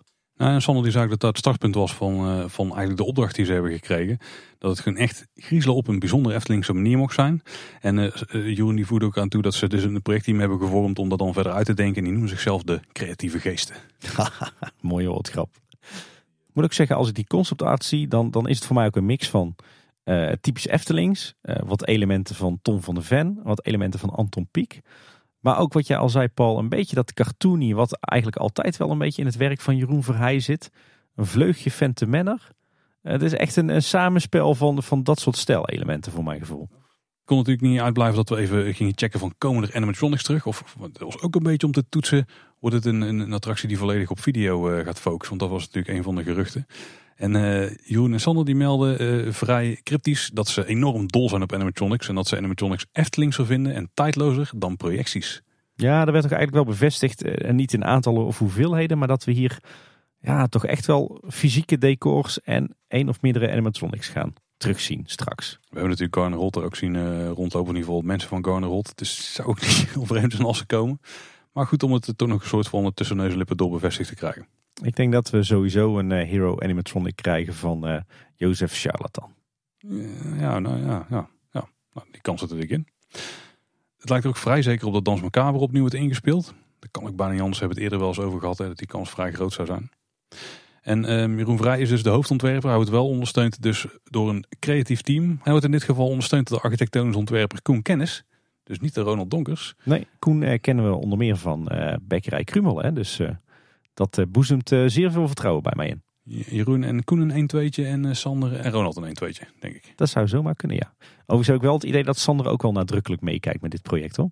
Die zat er ook niet voor niks bij natuurlijk. Koen is nog een, een jonge gast binnen de Efteling, Ja, inderdaad. Die heeft een uh, mooie carrière. Die, uh, die is begonnen, geloof ik, als, uh, als stagiair of zo. Of als, als bouwkundig tekenaar. En die heeft zich vrij snel op weten te werken tot architectonische ontwerper. Dus, dus die doet echt iets goed. Wat me ook wel opviel is dat Jeroen ook wel aangaf dat er ook een grafische ontwerper in het team zit. Dus er zal ook veel aandacht zijn voor ja, een kloppende grafische stijl die mooi aansluit bij de ontwerpstijl van Jeroen werd ook gevraagd naar de tijdlijn, is ook best interessant. Sander de Bruin die wist te melden dat in 2018 al de eerste gesprekken over de toekomst van het spookslot werden gevoerd. En dat was dan ook al als een van de alternatieve opties voor Strookrijk. Want uh, dat begon toen een beetje te spelen, hè, dat het misschien niet doorging op de termijn dat ze graag wilden en zo. En toen waren ze al naar een tweede spoor aan het kijken. Overigens noemde hij dat, was ook wel interessant, uitbreiding Horst. Ja. Dat is dan de interne naam die ze hanteren, gok ik. Dat kunnen wij ook wel gaan doen, want uh, Horst is toch wel een begrip wat geregeld voorbij komt bij Kleine Boodschap. De eerste bijeenkomsten waarbij Jeroen werd betrokken, die waren overigens in het voorjaar van 2020. Hij kon zich nog herinneren dat het tijdens uh, de eerste lockdown was. Want het was toen nog heel nieuw om uh, op afstand al die, die meetings te houden. Dus het project zoals we het nu kennen is pas echt gestart begin 2020. Ja, het begin van de coronapandemie. Hè. Zijn ze toch al twee jaar aan het ontwerpen. Wat ook wel interessant is dat ze een hoop zijn gaan tekenen. Dat ze plannen hebben gemaakt. En die hebben ze ook voorgelegd aan de familie van Tom van de Ven. Om te kijken wat er met zijn nalatenschap gebeurt. En ik heb begrepen dat die dus al veel meer hebben gezien dan wat wij hebben gezien. Ja, en dat die, uh, dat die zeer enthousiast zijn. Of in ieder geval dat ze het, uh, dat ze het allemaal goedkeuren. Ik vind het wel heel netjes en respectvol dat ze, dat ze de nabestaanden van Ton uh, hier zo intensief bij betrekken. Nou, Ton had dus al zeker 100, misschien wel 200 tekeningen gemaakt voor het spookslot. We begrepen zelfs dat dit een van de projecten was waar hij waarschijnlijk het meest voor had getekend. Nog meer dan voor Fata Morgana. Ja, ja. Dat vond ik vrij bijzonder. En Jeroen Vrij die heeft inmiddels ook ongeveer een tekening of 100 gemaakt voor het nieuwe, het nieuwe project. Ja, toch een oproep aan de Efteling. Breng nou eens zo'n uh, zo'n boek met ontwerpen uit uh, na oplevering van zo'n project. Want daar, daar kunnen wij ontzettend van smullen. Daar ben ik vrij zeker van. Ik denk dat dat best wel een, een souvenir is wat je met een aardige oplage tegen een, een prijsje van 30, 40, 50 euro kunt, kunt verkopen. Hoor. Dus breng maar naar buiten die tekeningen. Nou, Tim, misschien wordt jou, worden jouw gebeden verhoord. Want een van de dingen die ook gemeld werden, is dat het spooksel op meerdere manieren vereeuwigd gaat worden. Ja, er werd sowieso concreet verteld dat uh, onze collega's en vrienden van de Vijf Zintuigen een documentaire aan het maken zijn. Een beetje in hetzelfde straatje als de Vata-docu. Nou, volgens mij is de hele fanwereld uh, nog steeds laaiend enthousiast over dat resultaat. Dus die documentaire die ja, dat kan ook alleen maar weer een groot succes worden. En ik begreep ook van de heren dat het ambitieniveau echt wel op hetzelfde niveau zit als Fata Morgana. Heel tof. Alleen moeten ze het nu allemaal een stuk sneller doen. Want bij de Fata hebben ze een paar jaar de tijd voor genomen. En nu hebben ze natuurlijk maar een paar maanden de tijd. Ja, en Efteling die gaat zelf het spookslot ook uh, vereeuwigen op een manier waardoor iedereen not, nog tot in de lengte van dagen aan het spookslot kan terugdenken. Nou, ik had ook wel het idee dat het misschien zelfs meerdere manieren was. Dus... Oh. Ja, wat zijn de opties? Hè? Misschien een mooi boek een fotoboek met foto's van het huidige spookslot. Misschien een, uh, een video op een dvd of op YouTube. Op een, op een dvd. Ze worden nog steeds gemaakt, Paul. Tot in de lengte der dagen. Ja. Dan gaat uh, over vijf jaar kan niemand zo'n ding meer kijken. Ik denk dat er betere methodes zijn om te doen. Maar het zou kunnen zijn dat ze bijvoorbeeld een 3D-simulatie of zo doen. Dat je er echt uh, bijna vanaf de rand erheen kan lopen. zijn allemaal oh, mogelijkheden tegenwoordig. Ja, ja, ja, Maar ik denk dat een, een, boek, of misschien zelfs wel meerdere boeken, dat dat toch echt wel tot de mogelijkheden behoort. Hoe tof zou het zijn om een boek met echt goede foto's en dan ook nog achter de schermen foto's, ja, geschiedenis. En dus al die tekeningen van Ton. Oh, Paul. Die zou hier zeker in de kast komen staan. Heel vet.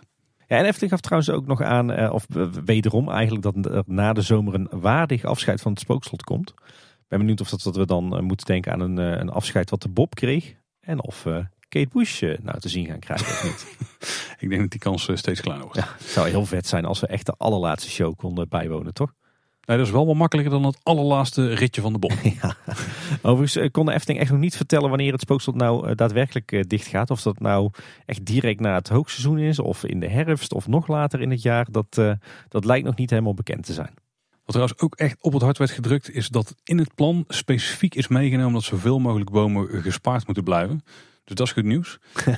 Beetje een schrale troost als je ziet hoeveel bomen er verdwenen zijn tussen het spookslot en Max en Moritz. Ja, maar daar gaat het project ook wel een deel heen schuiven natuurlijk. En ja. er zou ook een mooie aansluiting komen op het project die kant op hè? Ja, inderdaad. Ze gaan echt eh, de zichtlijnen binnen het Anderrijk serieus aanpakken.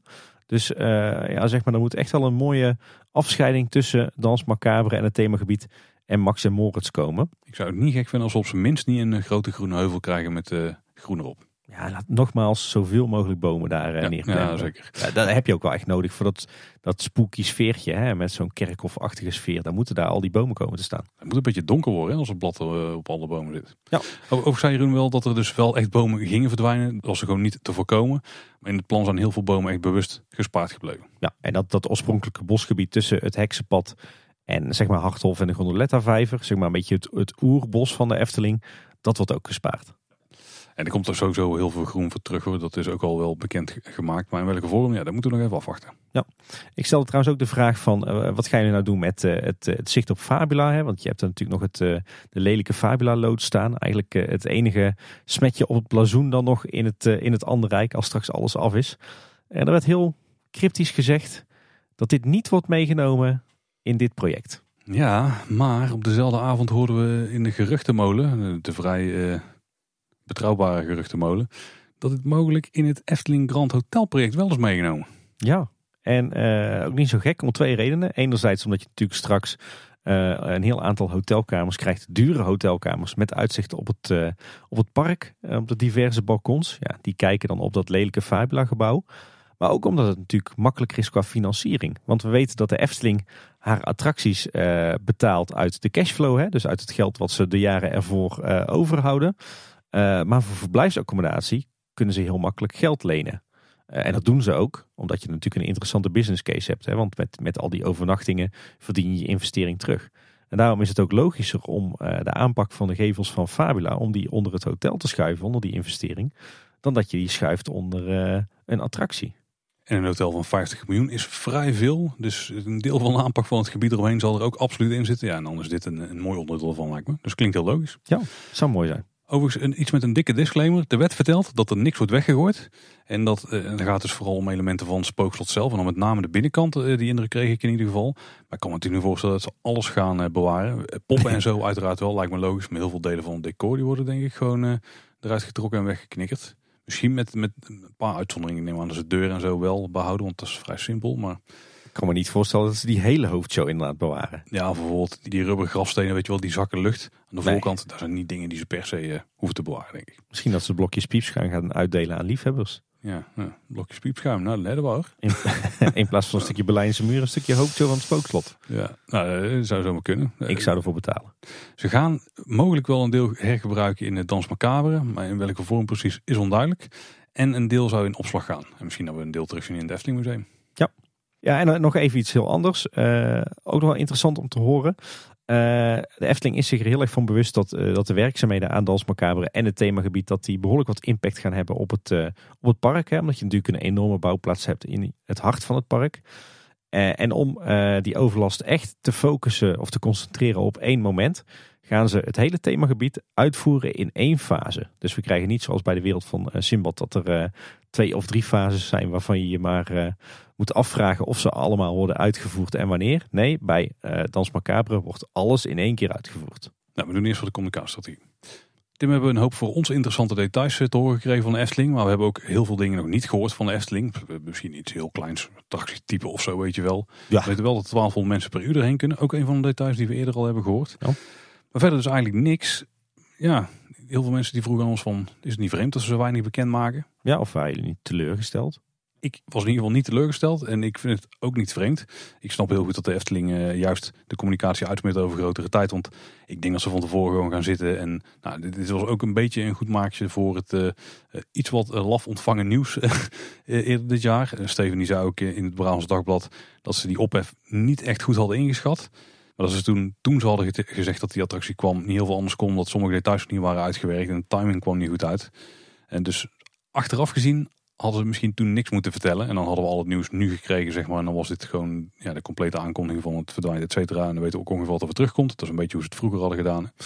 Maar ik neem aan dat ze van tevoren gaan zitten en dat ze dan een beetje de highlights in de communicatiestrategie pakken. En dan kan ik me heel goed voorstellen, zeker bij zo'n attractie, dat het ride type, dat er echt een van de grote pijlers is die ze later pas willen bekendmaken. Omdat er echt wel een moment gaat zijn dat je nog meer pers gaat pakken. Want ja, in Nederland is het eenmaal zo. Als de Efteling iets meldt, hoe klein ook, ja, iedere scheet die ze laten is gewoon nieuws. Ja, inderdaad. En ik verwacht ook, hè, dat dit, project heeft best een lange bouwtijd. Het gaat ergens in 2024 open. Ja, ja, je wil eigenlijk pas de meeste aandacht voor je project, de meeste, de meeste schermtijd als het ware, wil je denk ik pas in de aanloop richting de bouw en de opening van het project. Dus ik verwacht eigenlijk pas de aankondiging van wat voor attractie gaat het worden, wat voor ritssysteem krijgen we. Ja, ergens misschien in de tweede helft van 2023. Ja, misschien dan wel wel eerder, want zodra ze natuurlijk vergunningen gaan aanvragen, wordt er al wel meer bekend. En dan kun je er misschien nog bijna niet meer omheen wat het gaat worden. Dus door zo'n publiek geheim. En dan heeft het natuurlijk heel weinig zin om er nog over te communiceren. Dan is het geen nieuws meer. Ik denk dat ze dat momentje wel willen pakken. Dus misschien al wel later dit jaar. Nou, weet ik niet. Ruitsystemen staan eigenlijk nooit op, uh, op vergunningstekeningen. Nee, maar als je bijvoorbeeld een grote ronde cirkel open hebt, dadelijk in het midden van het gebouw, ja, dan vallen er al heel veel dingen af natuurlijk. Ja, maar dan nog is het speculatie. Hè? Dus ik vraag het me af of ze dat heel snel gaan communiceren. Ik verwacht dat ze sowieso pas heel laat eh, de verhaaldetailzaken en, en karakters en dat soort dingen gaan bekendmaken. Dat zal misschien ook wat minder aandacht voor zijn dan. Maar ik vind het niet gek in ieder geval dat ze het op deze manier doen. En dat ze nu niet alles al bekendmaken. Je ziet heel veel andere bedrijven. Disney doet het ook vaak zo. Kijk naar die uitbreiding eh, van, het, eh, van de studio's bijvoorbeeld. De ja. studio's. Ja, daar, daar wees er ook maar heel weinig van. Hetzelfde geldt voor die Iron Man coaster. Het wordt, dat is eigenlijk het enige wat er werd gemeld. Die attractie wordt een Iron Man coaster. En hier heb je een hele wazige tekening van de buitenkant. Ja, ja nee, ik denk dat het vrij logisch is dat de Efteling af en toe gewoon een vlacht informatie loslaat. Hè? Want iedere keer heb je toch weer een momentje met een hoop uh, aandacht en pers te pakken. Uh, ik had denk ik wel, wat Steven zelf achteraf ook wel aangeeft, ik had wel de aankondiging van de sloop gecombineerd met uh, dit nieuws eigenlijk. Zodat je het, het zuur en het zoet als het ware combineert. Hè? Dus, uh, ja, maar ja, er zijn al sommige details ervan die hadden ze nog niet ver, ver genoeg uitgewerkt op dat moment. Nee, dus... nee, nee, ook heel begrijpelijk denk dat ze er achteraf spijt van hebben dat ze de, de aankondiging van de sloop hebben meegenomen met eh, de aankondiging van het Efteling Grand Hotel. Ik denk dat ze dat uh, meer gewoon destijds volledig hadden moeten richten op het, uh, het hotel. Want dat, ja, dat verdween toen ook heel erg op de achtergrond, omdat iedereen zich opwond over het spookslot. En had nu dan gezegd, jongens, we gaan het spookslot slopen, maar dit krijgen jullie ervoor terug. Dan denk ik dat je ook lang niet zoveel ophef had gehad over die sloop. Maar goed, dat is uh, achteraf, dat is de koe in zijn kont kijken. Uh, en de Efteling heeft wat dat betreft ook wel de hand in uh, eigen boezem gestoken dat dat niet zo handig was. Maar ja, ik, ik vind eigenlijk ik vind het heel begrijpelijk dat de Efteling nu alleen maar ja, wat sfeer schetsen en, en, en een teaser video heeft laten zien. Ik denk zelfs dat ze al veel meer hebben laten zien dan, dan wat andere parken misschien zouden laten zien. Hè? Alleen die concept art was denk ik al best wel genoeg geweest. En die teaser video en ook nog die, die situatietekening erbij. Dat is allemaal weer extra informatie. En de, de uitleg nog hè, van uh, de ontwerpers. Ja. Wat nu in ieder geval belangrijk was, was echt de sfeer die neergezet moet worden. Dat wilde heel duidelijk maken. Nou, dat is volgens mij prima geslaagd. Nou, eh, nogmaals, het detail wat we dus niet weten is wat voor attractietype komt erin. Maar toch een beetje aan de hand van de vorm zouden al wat dingen kunnen afleiden. Het Brabants Dagblad die speculeert overigens over een droptoren. Want die hebben een aanname gedaan dat er in een toren zou komen van 20 meter. Dat klopt dus niet. Er is op dit moment al een toren van 20 meter. Is voor een droptoren vrij beperkt overigens trouwens, voor hoogte. Dat, dat gaf de, de, de schrijfster of schrijver van het artikel ook al aan. Dan, uh, die, die refereerde namelijk aan het, uh, de Tower of Terror om er volgens zelf achter te zetten. Ja, die is wel 60 meter hoog. Ja, dat is dan 20 wel heel beperkt. en Steven die zei zelf ook al, het is niet alleen de toren hè, die 20 meter is. Het hele gebouw is 20 meter. Of in ieder geval het grootste deel van het gebouw is 20 meter hoog. Ja, en als we dan gaan kijken in de catalogus van uh, bijvoorbeeld Intermin, die toch een beetje wel volgens de geruchten de leverancier zou zijn, al wilde daar de Efteling zelf niks over bekendmaken. Ja, dan is het Dome Ride Theater, wat we dus al regelmatig hebben genoemd, die zou er precies in passen. Ja, ja we hoorden recent ineens een hoop geruchten dat het niet het Dome Theater zou zijn. Maar het lijkt er bijna op dat dat uh, misschien wel bewust verspreide desinformatie is. Want eigenlijk alle voortekenen, alles wat we zien, ja, het sluit allemaal naadloos aan op dat, uh, dat ritssysteem, het Dome Ride Theater. Eerder was natuurlijk al uitgelekt dat het een indoor attractie zou zijn, dat het iets met media zou zijn, dat het uniek zou zijn voor Europa. Nou, die kunnen we allemaal afvinken. Maar ook als je kijkt naar het, showgebouw van Dans Macabre, dan sluit het qua afmetingen ook uh, perfect aan. Hè? Als we de, de, informatie op de website van Intermin erbij pakken, dan heeft zo'n Dome Ride Theater uh, een gebouw nodig van 20 bij 24 meter en 17 meter hoog. Nou ja, Paul, wat zijn de afmetingen van het showgebouw van Dans Macabre? Nou, 30 meter diameter, waarbij die 20 bij 24 meter dus prima inpast. En een uh, hoogte van 20 meter. Dus dan hebben we aan alle kanten rondom ruimte genoeg om bijvoorbeeld nog te wachten, om wat back of the house uh, ruimtes te houden. En om nog een stukje thema toe te voegen aan de bovenkant van het gebouw. Ja, daar kwam ook een andere attractie voorbij uh, van Intamin. Iets met uh, 360 of zo. Dat was een soort, uh, ja, wat was het? Een soort doom met daarin... ja, van die armen, zeg maar, waar dan bakjes aan zitten. Ja, maar die heeft minimaal een doorsnee van 40 meter nodig. Dus dat, dat, gaat hem niet worden. En andere opvallende zaken zijn bijvoorbeeld dat, dat op de website van Intamin... dat er al een tijdje bij de Dome Ride Theater staat dat het binnenkort wordt aangekondigd dat zou zomaar kunnen kloppen natuurlijk. Hè? Ja, gaan wel geruchten rond dat er in het uh, Midden-Oosten eentje gaat verschijnen. Misschien nog voordat hij in Efteling open gaat. Ja. En de Efteling heeft zelf wel gezegd dat het iets wordt wat dus binnen de Efteling uniek gaat worden. Maar ook verder buiten. En dan kan het natuurlijk zijn dat de manier waarop ze het aanpakken heel Efteling is. Ik bedoel, kijk naar dive coasters. Die in Efteling is ook vrij uniek. Terwijl het concept verder niet heel uniek is. Ja, de, tussen de regels door ook hier weer. Ik denk dat het ook wel een ride type gaat. Ja, inderdaad. En uh, we krijg het ook wel hier en daar te horen dat er opvallend vaak mensen van Intamin uh, bij de Efteling op bezoek zijn geweest op kantoor uh, de afgelopen maanden. En dat zal ook niet iedere keer een verkoopgesprek zijn geweest. Dus, uh... En als dat een Dome Ride Theater wordt, dan hoop ik wel dat ze hier echt de combinaties gaan maken. Ook in de dome zelf, met fysieke decors en die schermen. We hebben al vaker wat over lopen armchair engineering. Ik denk dat die combinatie heel goed mogelijk is. Ook echt in een stijl die past bij de Efteling. Zonder dat je echt alles gaat baseren op die, op die projecties. Of daar nou, ik zeg projecties, maar misschien even goed om aan te halen. Die Dome Ride uh, Theater um, attractie die heeft dus geen projecties. Die heeft een scherm wat bestaat uit ledpanelen. Dus er wordt niks geprojecteerd, alles wordt naar jou toe geschenen door ledjes. Net wel anders. Ja, ja en als je, de, als je nou aanneemt dat het inderdaad zo'n Dome Ride Theater wordt en je combineert dat met hetgeen wat Sander en Jeroen hebben verteld, namelijk dat ze de voorkeur geven aan fysieke decors en een animatronic hier en daar, dan zou het natuurlijk best wel eens zo kunnen zijn dat uh, je hebt natuurlijk die, die die schermen met daar in die ring waar je op zit en die ring gaat bewegen. Maar onder je kan natuurlijk perfect een fysiek decor zijn met daarin ook animatronics. Nou ja, recht voor je ook, want uh, een van de nieuwe um, features van de, de, de geüpdate versie van het Dome Ride Theater, want dat systeem dat prijzen volgens mij al een jaar of zes aan, maar die hebben ze recent geüpdate, is dat er in het midden een platform kan zijn wat kan wegzakken. En dat kan natuurlijk ook. Dan hebben we weer het idee wat we al eerder hebben aangehaald. Het orkest staat bijvoorbeeld in het midden het Griezelige Orkest. En uh, uiteindelijk stijgen wij op en gaan we door de lucht heen zweven. En dat komt gewoon doordat het decor natuurlijk wegzakt. En dan zijn wij in één keer in lucht en die gaat kantelen, et cetera. Zoiets zou nog steeds prima kunnen. En dan leun je niet alleen maar om de projecties. Die zijn dan bijna meer ondersteunend aan de rest wat je meemaakt. Ja. Ja, en eh, Danny van Team Park Science die zei ook nog wat iets interessants in uh, de podcast Team Talk. Namelijk dat wij eerder in een jaarverslag van de Efteling hadden opgediept dat de Efteling al een flink bedrag uh, aan een uh, Liechtensteins bedrijf zou hebben overgemaakt. Ja, maar hij ging toen uit van uh, Grand Circus Balancé dat hij daarvoor was. Maar ja. Het zou natuurlijk ook hiervoor kunnen zijn. Het was in 2020 hè? Ja. Oh, is pas die, die 25 miljoen. Als je die, die, kijkt naar die, die projectkosten van 25 miljoen. Dat is ook best een plausibel bedrag voor dit ride type. Met een stukje media. Hè. Er gaat nu toch een sterk gerucht dat Aardman, die we kennen van Fabula, dat hij ook uh, de media voor uh, deze Dome Ride Theater, voor Dans Macabre zou gaan maken. Plus decor, landscaping. Nou, voor 25 miljoen kan je aardig wat wegzetten hoor. Ja, ja. Ik ben in ieder geval heel benieuwd. Ik ben ook trouwens best wel enthousiast over dit hele project, Tim. dat is een, eh, een, hele goede samenvatting, eh, Paul. Ik denk eigenlijk dat ik me wel aansluit bij jou. Ik ben tot nu toe op basis van, van zeker op basis van wat we gezien hebben in combinatie met de geruchten, ben ik eigenlijk heel erg enthousiast over uh, Dans Macabre. Nou, dat waren we stiekem al wel natuurlijk. Maar het, feit dat het sfeertje heel erg wil aanhouden wat we nu kennen. Misschien zelfs wel een, een, tandje erbij willen zetten. Heel erg serieus willen houden. Wel met de kwinkslag op plekken waar het, waar het denk ik best prima kan. En stel het is eh, straks eh, weer zomeravond en het is donker in het park. En je loopt net als dat die kat over die begraafplaats loopt. Loop jij door het themagebied heen. En je betreedt dan daar het gebouw. En daar ga je natuurlijk allerlei griezelige dingen meemaken. Ik, ik vergelijk dan een beetje met de huidige wachtrij die we al kennen in het spookslot. Maar dan net iets eh, misschien samenhangender. Ben ik nou aan het vloeken in de kerk? Ah, of in de abdij. en, uh, en uiteindelijk kom je in de voorshow en dan ga je die show heen met, met dat sfeertje wat we in die video proeven. Oh, ik ben er klaar voor. Ja, maar dit is toch geweldig. Ik bedoel, uh, het is een prachtige ode aan het spookslot. Maar dan echt op een eigen tijdse manier. Met nou, best wel wat knipogen naar het spookslot en andere elementen uit de Efteling. Maar wel met een eigen verhaal, met eigen karakters. Met volgens mij ook best wel een, een, een begrijpelijk verhaal, ook internationaal. Hè, met, met karakters als zo'n Jozef Charlatan. Ja, en de stijl op die tekeningen. Hè. Vleugje Tom van der Ven, vleugje Piek. Uh, een klein beetje dat licht cartoony van Jeroen Verheij. Typische Eftelings. Vleugje Phantom Man Disneyland Parijs. Ja, ik hou wel van het steltje. Lekker donker, lekker eng.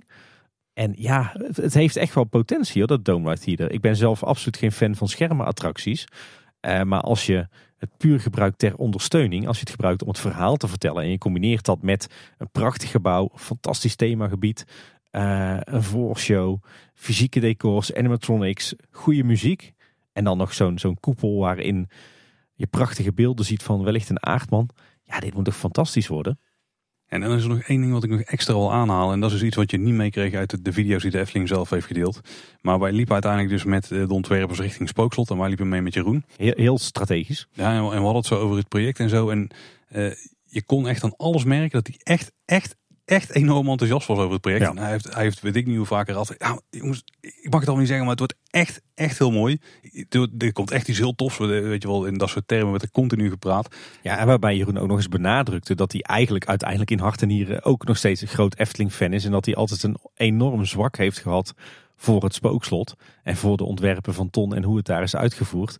Dus als iemand goed waakt over ja, die erfenis, dan is het natuurlijk Jeroen Vrijwel. Ja, maar ik wil, waar ik meer op wilde aansturen is dat de indruk die ik van Jeroen kreeg, dat was echt authentiek enthousiasme. Het is niet van, ik moet vanuit mijn werk eh, moet ik enthousiast zijn over dit project. Het is eigenlijk aan alle kanten afgezwakt. Het is helemaal, helemaal niet wat we initieel voor ogen hadden. Maar ja, we moeten er maar mee doen, want dat is wat het budget uh, toelaat.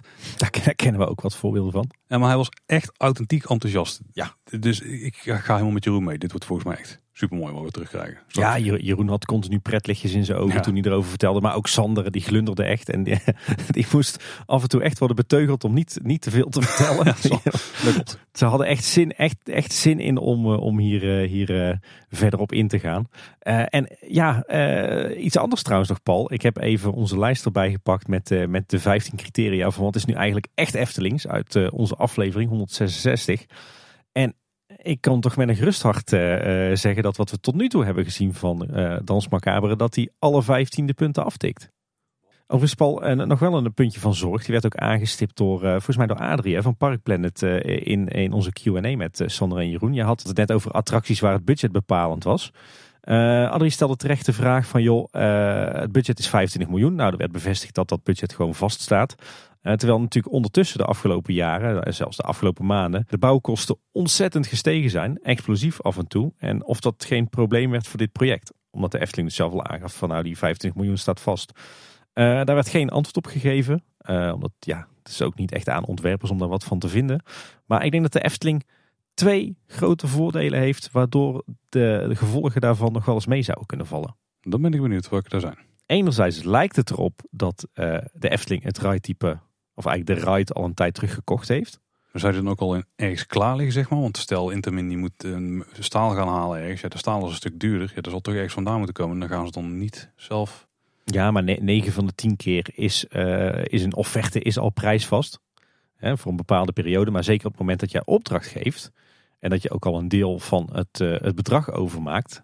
Dan staat de prijs gewoon vast. Nou, laten we hopen dat dat in dit geval zo is. Ja, dat is één. En twee is? Twee is, wat de Efteling natuurlijk de laatste tijd uh, weer steeds meer doet. Uh, kijk bijvoorbeeld naar de wereld van Simbad, maar ik verwacht dat het hier ook wel uh, zo gaat gebeuren. Is dat ze ontzettend veel in eigen huis doen. Hmm, ja. het ontwerp, maar ook het uitwerken van het ontwerp met de afdeling technisch ontwerp. de vormgevers, decorateurs, de showtechniek, de effecten, de muziek. Dat hebben ze allemaal in eigen huis. En dat betekent dat je eigenlijk daar vooral manuren betaalt. En zolang de lonen niet explosief gaan stijgen, heb je dus ook niet te maken met een explosie van kosten. Ja, het grootste risico is vooral materiaal. Materiaalkosten en huur. Ja, het is, het is vooral denk ik de, de, de echte daadwerkelijke bouw van het, het gebouw, het showgebouw dan vooral. En uh, de techniek die erin komt te zitten, de installatietechniek, die waarschijnlijk ook nog niet is ingekocht. Ik denk dat dat de twee items zijn waar je de, de grootste kans op kostenstijging hebt. Maar ik denk dat ook hier weer, net als in de wereld van Simbad, dat, dat al die interne uren, dat die een heel groot deel van het budget bepalen. Zowel uh, voor ontwerp als, uh, als voorbereiding, als uh, straks natuurlijk de uitvoering van, van het hele decor. Dus ik denk dat, dat de invloed van, van die explosieve stijging van de bouwkosten nog wel eens mee zou kunnen vallen. Zeker als ze inderdaad bij Intermin die bestelling al hebben gedaan. Want ik ving her en der toch ook wel op dat al in een heel vroeg stadium toch het rijtype is gekozen. Oké. Nou, voor nu even genoeg over uh, de ontwerpen die we te zien hebben gekregen en, uh, en Dans Macabre zelf. Er zijn nog wel een paar andere kleine dingen die we rondom het spookslot willen aanhalen. Uh, zo is er een ode verschenen, opnieuw, in de krant aan het spookslot. Deze keer in de Volkskrant, van een echte Efteling-liefhebber. Ja, inderdaad. Kevin Thoma was het. Ik, ik ken hem zelf niet, maar ja, op zich een, een mooi artikel. Ehm, we zullen hem linken in de show notes. Mooi om te lezen, mooie ode aan spookslot. Uh, wat mij betreft niet overtuigend, uh, een overtuigend betoog om het spookslot te laten staan. Sowieso kan dat natuurlijk helemaal niet. En ik denk dat nu we hebben gezien wat er voor terug gaat komen, dat uh, de meeste mensen toch wel overtuigd zullen zijn dat de Efteling er echt alles aan doet om op een respectvolle manier met het, de erfenis van Tom van der Ven en de erfenis van het spookslot om te gaan. En dat dit toch echt vele malen beter is dan het huidige spookslot herbouwen voor nou, misschien wel bijna hetzelfde bedrag. Ja.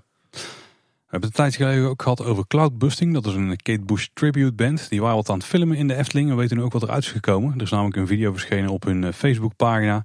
En daarbij hebben ze onder andere een stukje interview met uh, Steven. Maar ook met uh, Bert van Assem. Dat is onze Bert. Die zien we altijd bij de receptie bij Ravelijnen. Die zit daar al nou, sinds jaar en dag volgens mij staat hij daar mensen te ontvangen. Een van de meest markante en charmante Eftelingers. En een van de meest prominente Eftelingers als we een recente interne quiz mogen geloven die de Efteling ja. heeft gehouden. Maar er werden herinneringen door Bert opgehaald aan het, uh, het optreden wat Kate Bush bij de opening van Spookslot in het Efteling heeft gedaan. Ja, mooie verhalen en let vooral ook op uh, het, uh, het Engels of het Brits van Bert, want dat is echt prachtig. En ook nog interessant, er zijn ook twee, um, hoe moet noemen, twee gasten die een kleine boodschap een keer uh, lang zijn geweest. Namelijk Bram Elstak, die heel veel Efteling tattoos al heeft gezet.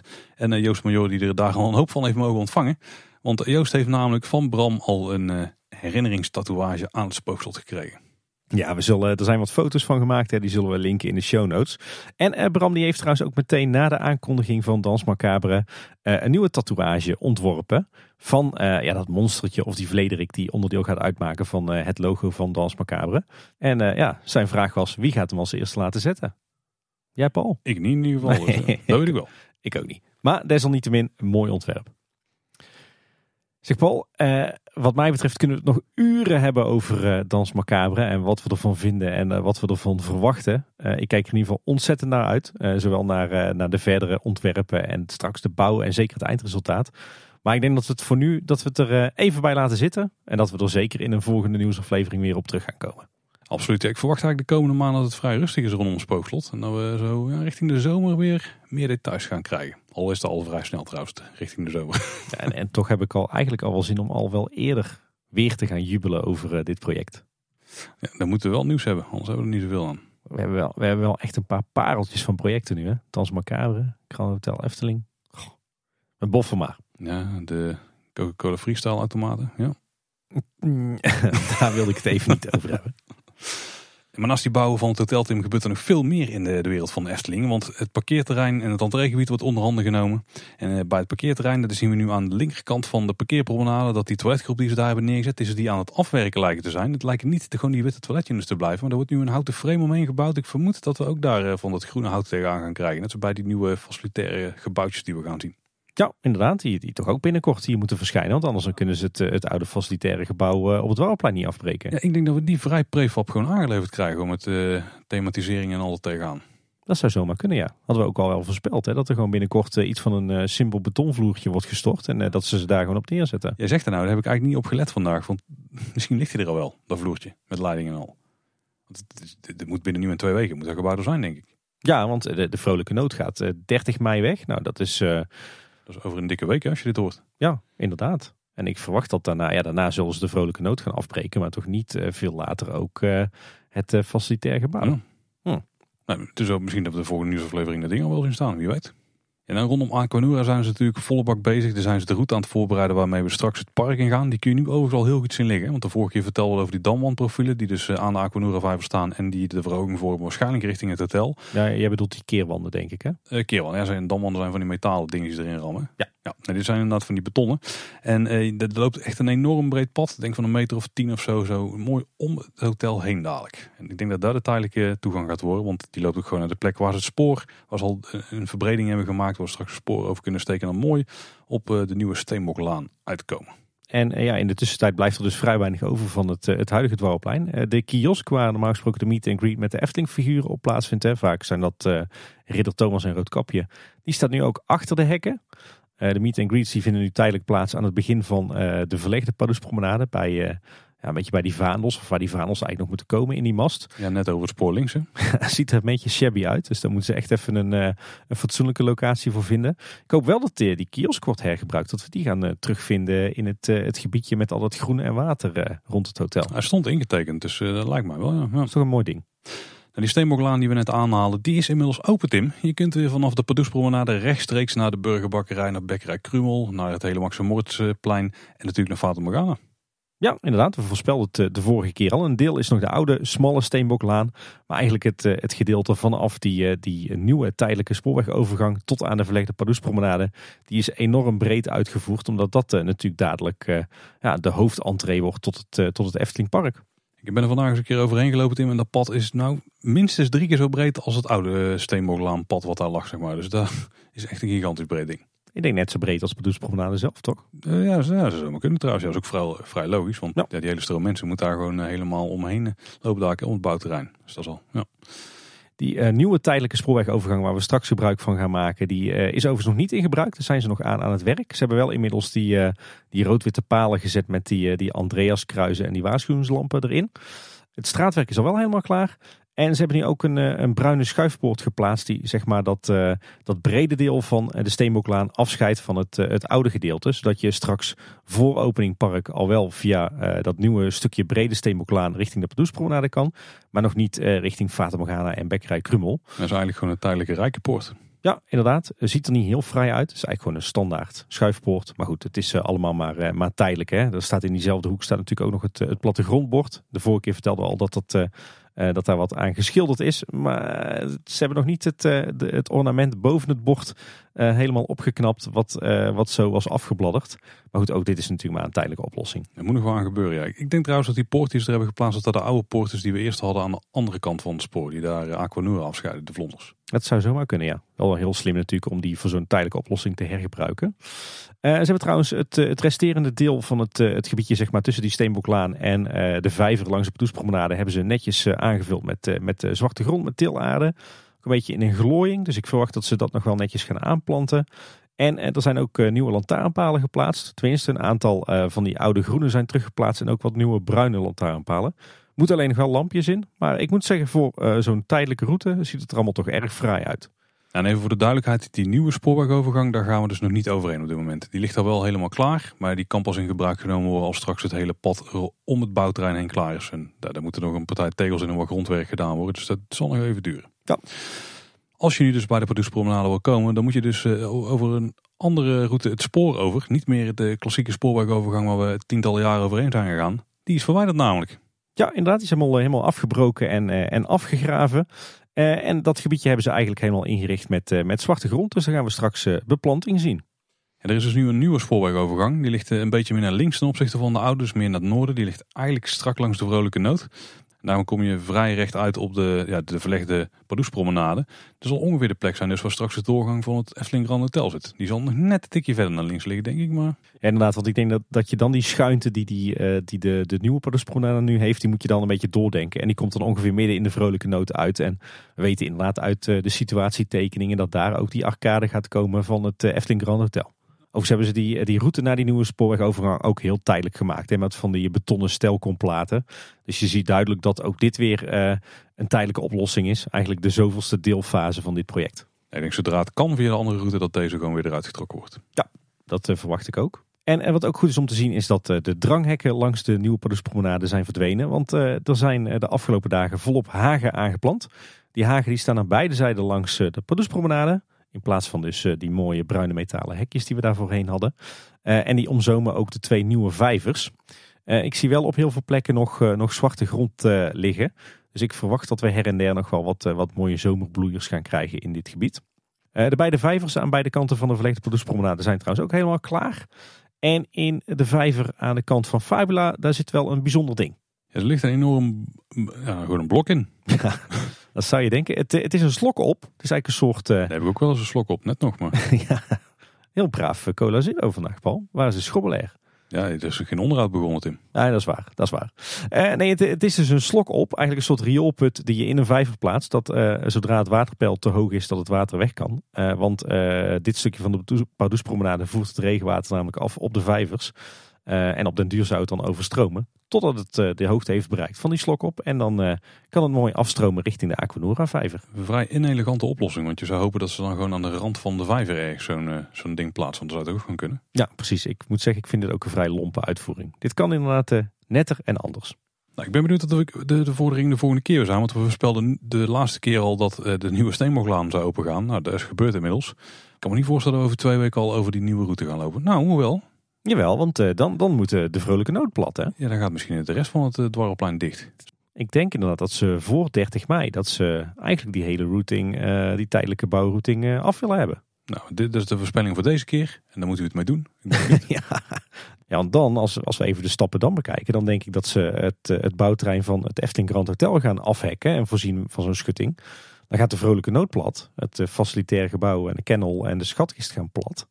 En dan is het de bouwput uitgraven voor het Grand Hotel. En ik gok dan dat als we de kaartcontrole doorgaan, dat we dan vertaan rechts om Efteling heen gaan moeten. Ja, inderdaad. Langs het Efteling Theater. Met een mooie krul. En dan uh, strak langs de Aquanura vijver. Die natuurlijk vanaf 24 juni weer in gebruik is. Nou, dan laten we eens kijken de volgende nieuwsaflevering wat er van deze mini glazen bol terecht is gekomen. Maar ik denk dat we weer in de goede richting zitten. Ik denk dat we de faseringstekening aardig in ons hoofd hebben zitten. We gaan uh, nog iets verder vooruit kijken, Tim. Want uh, zomerseizoen 2022 komt er natuurlijk aan. Want het gaat een zomer vol entertainment worden, de hele dag door. Al hebben we daar de details nog niet van te horen gekregen. Uh, maar de Efteling heeft wel gemeld dat er dus iets te beleven gaat zijn in de Efteling in de zomer. Van ochtends vroeg tot avonds laat op verschillende locaties in het park. Want daar gaan attracties tot leven komen. Oeh. We hebben daar dus misschien al een glimp van opgevangen met uh, die schommelconstructie die, die op het Tom van de Venplein komt staan. In waarschijnlijk droomvluchtuitstraling. Ja. Maar hoe dat eruit komt zien, dat onthullen ze op een later moment. Maar wat we wel weten, heel belangrijk, zijn de openingstijden. Want die verraden daarmee ook al wel iets. En uh, nou, we hebben het proberen plat te slaan, hè, want het was weer een, een vrij grote puzzel. Maar in de ja. simpelste vorm, vanaf begin juli tot en met 24 juli zal de Efteling op zondag tot en met donderdag van 10 tot 9 open zijn. En vrijdag en zaterdag van 10 tot 10.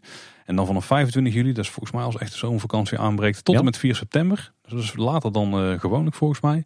Dan is het gewoon iedere dag van 10 tot 10. Dus dat is dan vrij simpel. We kregen overigens wel weer een vraag over van waarom blijft de Efteling niet langer open dan 10 uur? Ja, dat is eigenlijk ook redelijk simpel. Ik vind het trouwens zelf ook wel jammer hoor. Ik zou zelf het liefst weer terug willen naar zomeravonden tot, uh, tot middernacht minimaal. Maar uh, waar de Efteling tegenwoordig natuurlijk last van heeft, is dat ze een milieuvergunning hebben die voorschrijft dat ze om 11 uur dicht moeten zijn. Of in ieder geval dat de attracties om 11 uur dicht moeten zijn. Uh, maar als je het park om 10 uur sluit, met de nieuwe werkwijze sluiten dan dus de wachtrijen om 10 uur. Daarna draaien de attracties nog door, in het slechtste geval tot 11 uur. En daarna moeten ze ook echt stilstaan. Dus eigenlijk, hè, alhoewel de Efteling zegt we zijn van 10 tot 10 open, zijn ze natuurlijk eigenlijk van 10 tot 10 uur s'avonds plus de wachttijd open. Dus misschien zou je kunnen zeggen dat de Efteling tot 11 uur s'avonds open is. En meer mogen ze natuurlijk niet van de milieuvergunning. Ja, ik geloof dat ze een aantal uitzonderingen mogen maken per jaar, maar uh, dat is niet zo uh, net zoals vroeger iedere zaterdagavond. Overigens kun je nou overdag niet naar de Efteling, maar uh, wil je s'avonds nog wel komen, dat kan. Er is weer een ticket maan. Dan kun je vanaf 6 uur de Efteling in, dus nog 4 uurtjes. En daar betaal je dan 25 euro voor. Ja, dat is ongeveer de helft van, uh, van een, uh, een gewoon hoogseizoen ticket hebt. Ja, net iets meer dan de helft, ja. Ja, ik, ik denk wederom fantastisch nieuws, toch? Het feit dat de Efteling lang open is, dat is helemaal prima. Het staat of valt het eigenlijk natuurlijk een beetje met het entertainment van hoe spectaculair het gaat zijn ten opzichte van voorgaande jaren. En daar weten we gewoon heel weinig op. Ja, ik, ik denk dat we daar gewoon moeten afwachten. Maar als uh, wat we hebben gezien van Droomlicht, die constructie, als dat enige glimp van de toekomst is, ja, dan, dan zie ik ook wel potentie op andere plekken in het park. Ja, ja, attracties die tot leven komen, ja, daar kan je natuurlijk honderdduizend uh, dingen bij voorstellen. We hebben er ook al aardig vaak over gefantaseerd wat er allemaal kan in ieder geval wel goed om te zien dat ze weer echt iets bijzonders gaan organiseren. En dat het ook echt iets anders wordt. Ik denk niet dat het uh, dezelfde spektakelwaarde heeft als een Negenpleinenfestijn. Wat natuurlijk heel grootschalig werd aangepakt. Hè? Of de, de zomeravonden die daarvoor zaten met echte grote podia. Nou, Negenpleinenfestijn grootschalig. Want het, de individuele entertainment acts waren vrij kleinschalig. Ja, dat is waar. Maar je had natuurlijk wel negen plekken in het park waar podia stonden. Waar, uh, waar werd opgetreden met muziek en zang en dans. En nu krijgen we misschien ook wel iets meer wat, wat misschien nogal passender is qua storytelling. Hè? Omdat je natuurlijk echt de attracties tot leven laat komen. Ja, zouden er ook bijvoorbeeld die kompels bij zitten, die gouden kompels die we wel eens hebben zien rondlopen. Ja, zou kunnen. Je zou natuurlijk op het Vatenplein iets vergelijkbaars kunnen doen met wat je voorheen deed en met, uh, met, uh, met allerlei Oosterse bewoners. Uh, nou, wat kan je nog meer verzinnen? Inderdaad, de elfjes die tot leven komen bij Droomvlucht, de bende van de bokrijders die rondloopt, Simbad die rondloopt. Nou, legio ideeën. We gaan inmiddels bijna juni in, dus, dus kan niet heel lang op zich laten wachten dat we hier meer over gaan horen. Dus ik denk dat je ook hier in een koningsaflevering veel meer over gaat te horen krijgen de, nieuwsdichtheid van dit jaar is wel echt extreem, hè? Ja, er gebeurt enorm veel. Ja, de kranen staan open. En dan nog even snel een blik op de bouwplaats van Vrouw Holle. Misschien is een klein stukje follow-up erover, Tim. Ja, want we hadden het, of ik had het de vorige keer natuurlijk over dat, dat prachtige houten spand. wat ze hadden geplaatst, wat helemaal in dezelfde stijl was uitgevoerd en dezelfde bouwmethode als een origineel houten spand in dat huisje. En ik had het erover dat dat door Anton Pieck was ontworpen. Maar dat is natuurlijk helemaal niet waar. Want dit huisje, dit stamt natuurlijk uit 1945. Want het huisje is natuurlijk destijds in eerste instantie opgetrokken als clubhuis voor de scouting. En eh, toen was Anton Pieck nog bij lange na niet in beeld. Nee, die heeft uiteindelijk natuurlijk wel de vorm van het stukwerk wat er rondomheen is en zo getekend. Nou. De stand van zaken op dit moment, de tussenwand binnen, die is helemaal op hoogte tot in het nok. Dan zijn ze ook de schoorsteen op aan het metselen. Ja, en verrassend, die, uh, die muur, ondanks dat het maar een tussenwandje is, die is helemaal geïsoleerd. Is die tussenwand ook geïsoleerd? Ja, ja, die tussenwand is geïsoleerd. Geen idee waarom. Misschien zit ik te denken, je hebt natuurlijk eh, dat achterste gedeelte van het huisje, daar komt ook het tafereeltje van vrouw Holle uh, in te zitten. En dat is natuurlijk, die staat natuurlijk in een open verbinding met buiten. Dus misschien om de kou weg te houden in het voorste gedeelte van het huisje, dat ze ah, daarom deze muur hebben geïsoleerd. Dat klinkt heel aannemelijk, ja. ja. De gevels op de kopse kanten die zijn nu volledig opgemetseld. De vorige aflevering hebben we geleerd over de gording. Hè? Er zijn die uh, horizontale balken die in het dak zitten, toch? Die in de dakconstructie zitten. Ja, inderdaad. Die, uh, die hebben ze nou inderdaad mooi ingemetseld op, uh, zeg maar op het, het binnenblad, de binnengevels van kalkzandsteen. Dus, dus die tijdelijke ondersteuningsconstructie van, van stijgerplanken, die, die is niet meer nodig. Want het dak rust nu gewoon op de gevels. Verder viel nog op dat aan de achterkant in de gevel, dat het metselwerk is uitgespaard op twee plekken. Met zo'n zo'n houten kistje. En ik vermoed dat daar straks de geluidsboxjes of de speakers komen te zitten. Die natuurlijk het, ja, zeg maar, vrouw Holle van geluid voorzien. Hè? Daar komen volgens mij nog wel uh, houten luikjes voor te zitten. En wat toch nog opvalt is dat, dat de deuren van het gebouwtje, met name aan, aan de achterzijde, dat die toch een stuk breder zijn dan in het originele huisje. Ik vermoed dat het is omdat het, het echte deuren zijn en dat die moeten voldoen aan het bouwbesluit. De originele deurtjes aan de achterkant die waren natuurlijk heel schattig, laag en smal. Ik ben benieuwd hoe ze hier dan gaan uitkomen met, met die ornamentjes uh, die ze hebben bewaard uit het, het oude gebouwtje. Zijn zeg maar die, die gezichtjes die in de, de sluitsteentjes zitten. Maar ja, al met al, er wordt ontzettend hard gemetseld en gewerkt aan het dak van het huisje van vrouw Holle. En het, het schiet echt als een mal in de lucht in. Het gaat echt supergoed en het ziet er allemaal ja, heel mooi uit. Ik weet niet of we vrouw Hol onderhoud mogen noemen, maar het sluit wel mooi aan op het onderhoudsblokje. Brandlos, wat is er in de afgelopen week, want zo heel lang hebben we niet gehad, gebeurt in Efteling? Ja, het is toch best wel een lange lijst dat er allemaal weer, eh, weer gebeurt. Je zou zeggen, waar haalt het geld toch vandaan? Iets met een ezel of zo. is wel een makkelijke meer in Efteling. Ja. Hey, laten we eerst kijken naar het groen. Uh, we zitten momenteel volop in de wissel van het, uh, het voorjaarsgoed naar het zomergoed. Uh, en ik heb op een aantal plekken in het park alweer schalen gezien met, met zomergoed. En ik kan wel zien dat het wel goed gaat, weer goed gaat met de Efteling. Want voor het eerst in lange tijd zijn het zelfs weer uh, schalen met uh, twee verdiepingen. Godsamme chic. Ja, ziet er heel vrij uit. Moet nog wel allemaal een beetje in bloei komen. Maar uh, goed om te zien dat, dat zelfs daar weer, weer geld voor is. ook een klein detail wat opviel is dat heel veel vijvers in de Efteling nieuwe eendentrapjes hebben gekregen. Zeg maar van die houten plankjes waardoor baby eendjes uit het water kunnen komen als moeder eend al uit het water is gestapt. En daarover gesproken, uh, kraamnieuws in de Siervijver. Want het koppeltje zwanen wat daar rondzwemt, heeft uh, kuikens gekregen. Zes uh, maar liefst. Echt en mega schattig natuurlijk. Dat is trouwens wel grappig. Ehm, je hebt bij de, de gondoletta heb je toch aan het, het eiland met de waterval. Hebben ze een paar jaar geleden hebben ze zo'n raar stukje gemaakt. Een beetje zo wat half boven, half onder water ligt. Met, mm met een hoop van die kleine boompjes erin gestoken die maar niet willen groeien.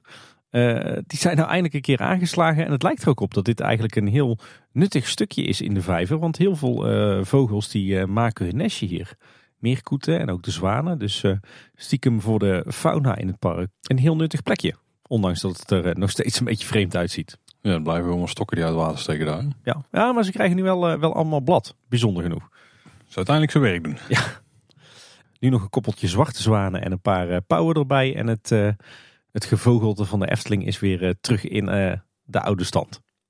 Door naar het uh, fantasierijk dan. Wat nog opvalt bij het Huis van de Vijf Zintuigen is dat een aantal regenpijpen zijn vernieuwd. En die zijn nu uitgevoerd in koper.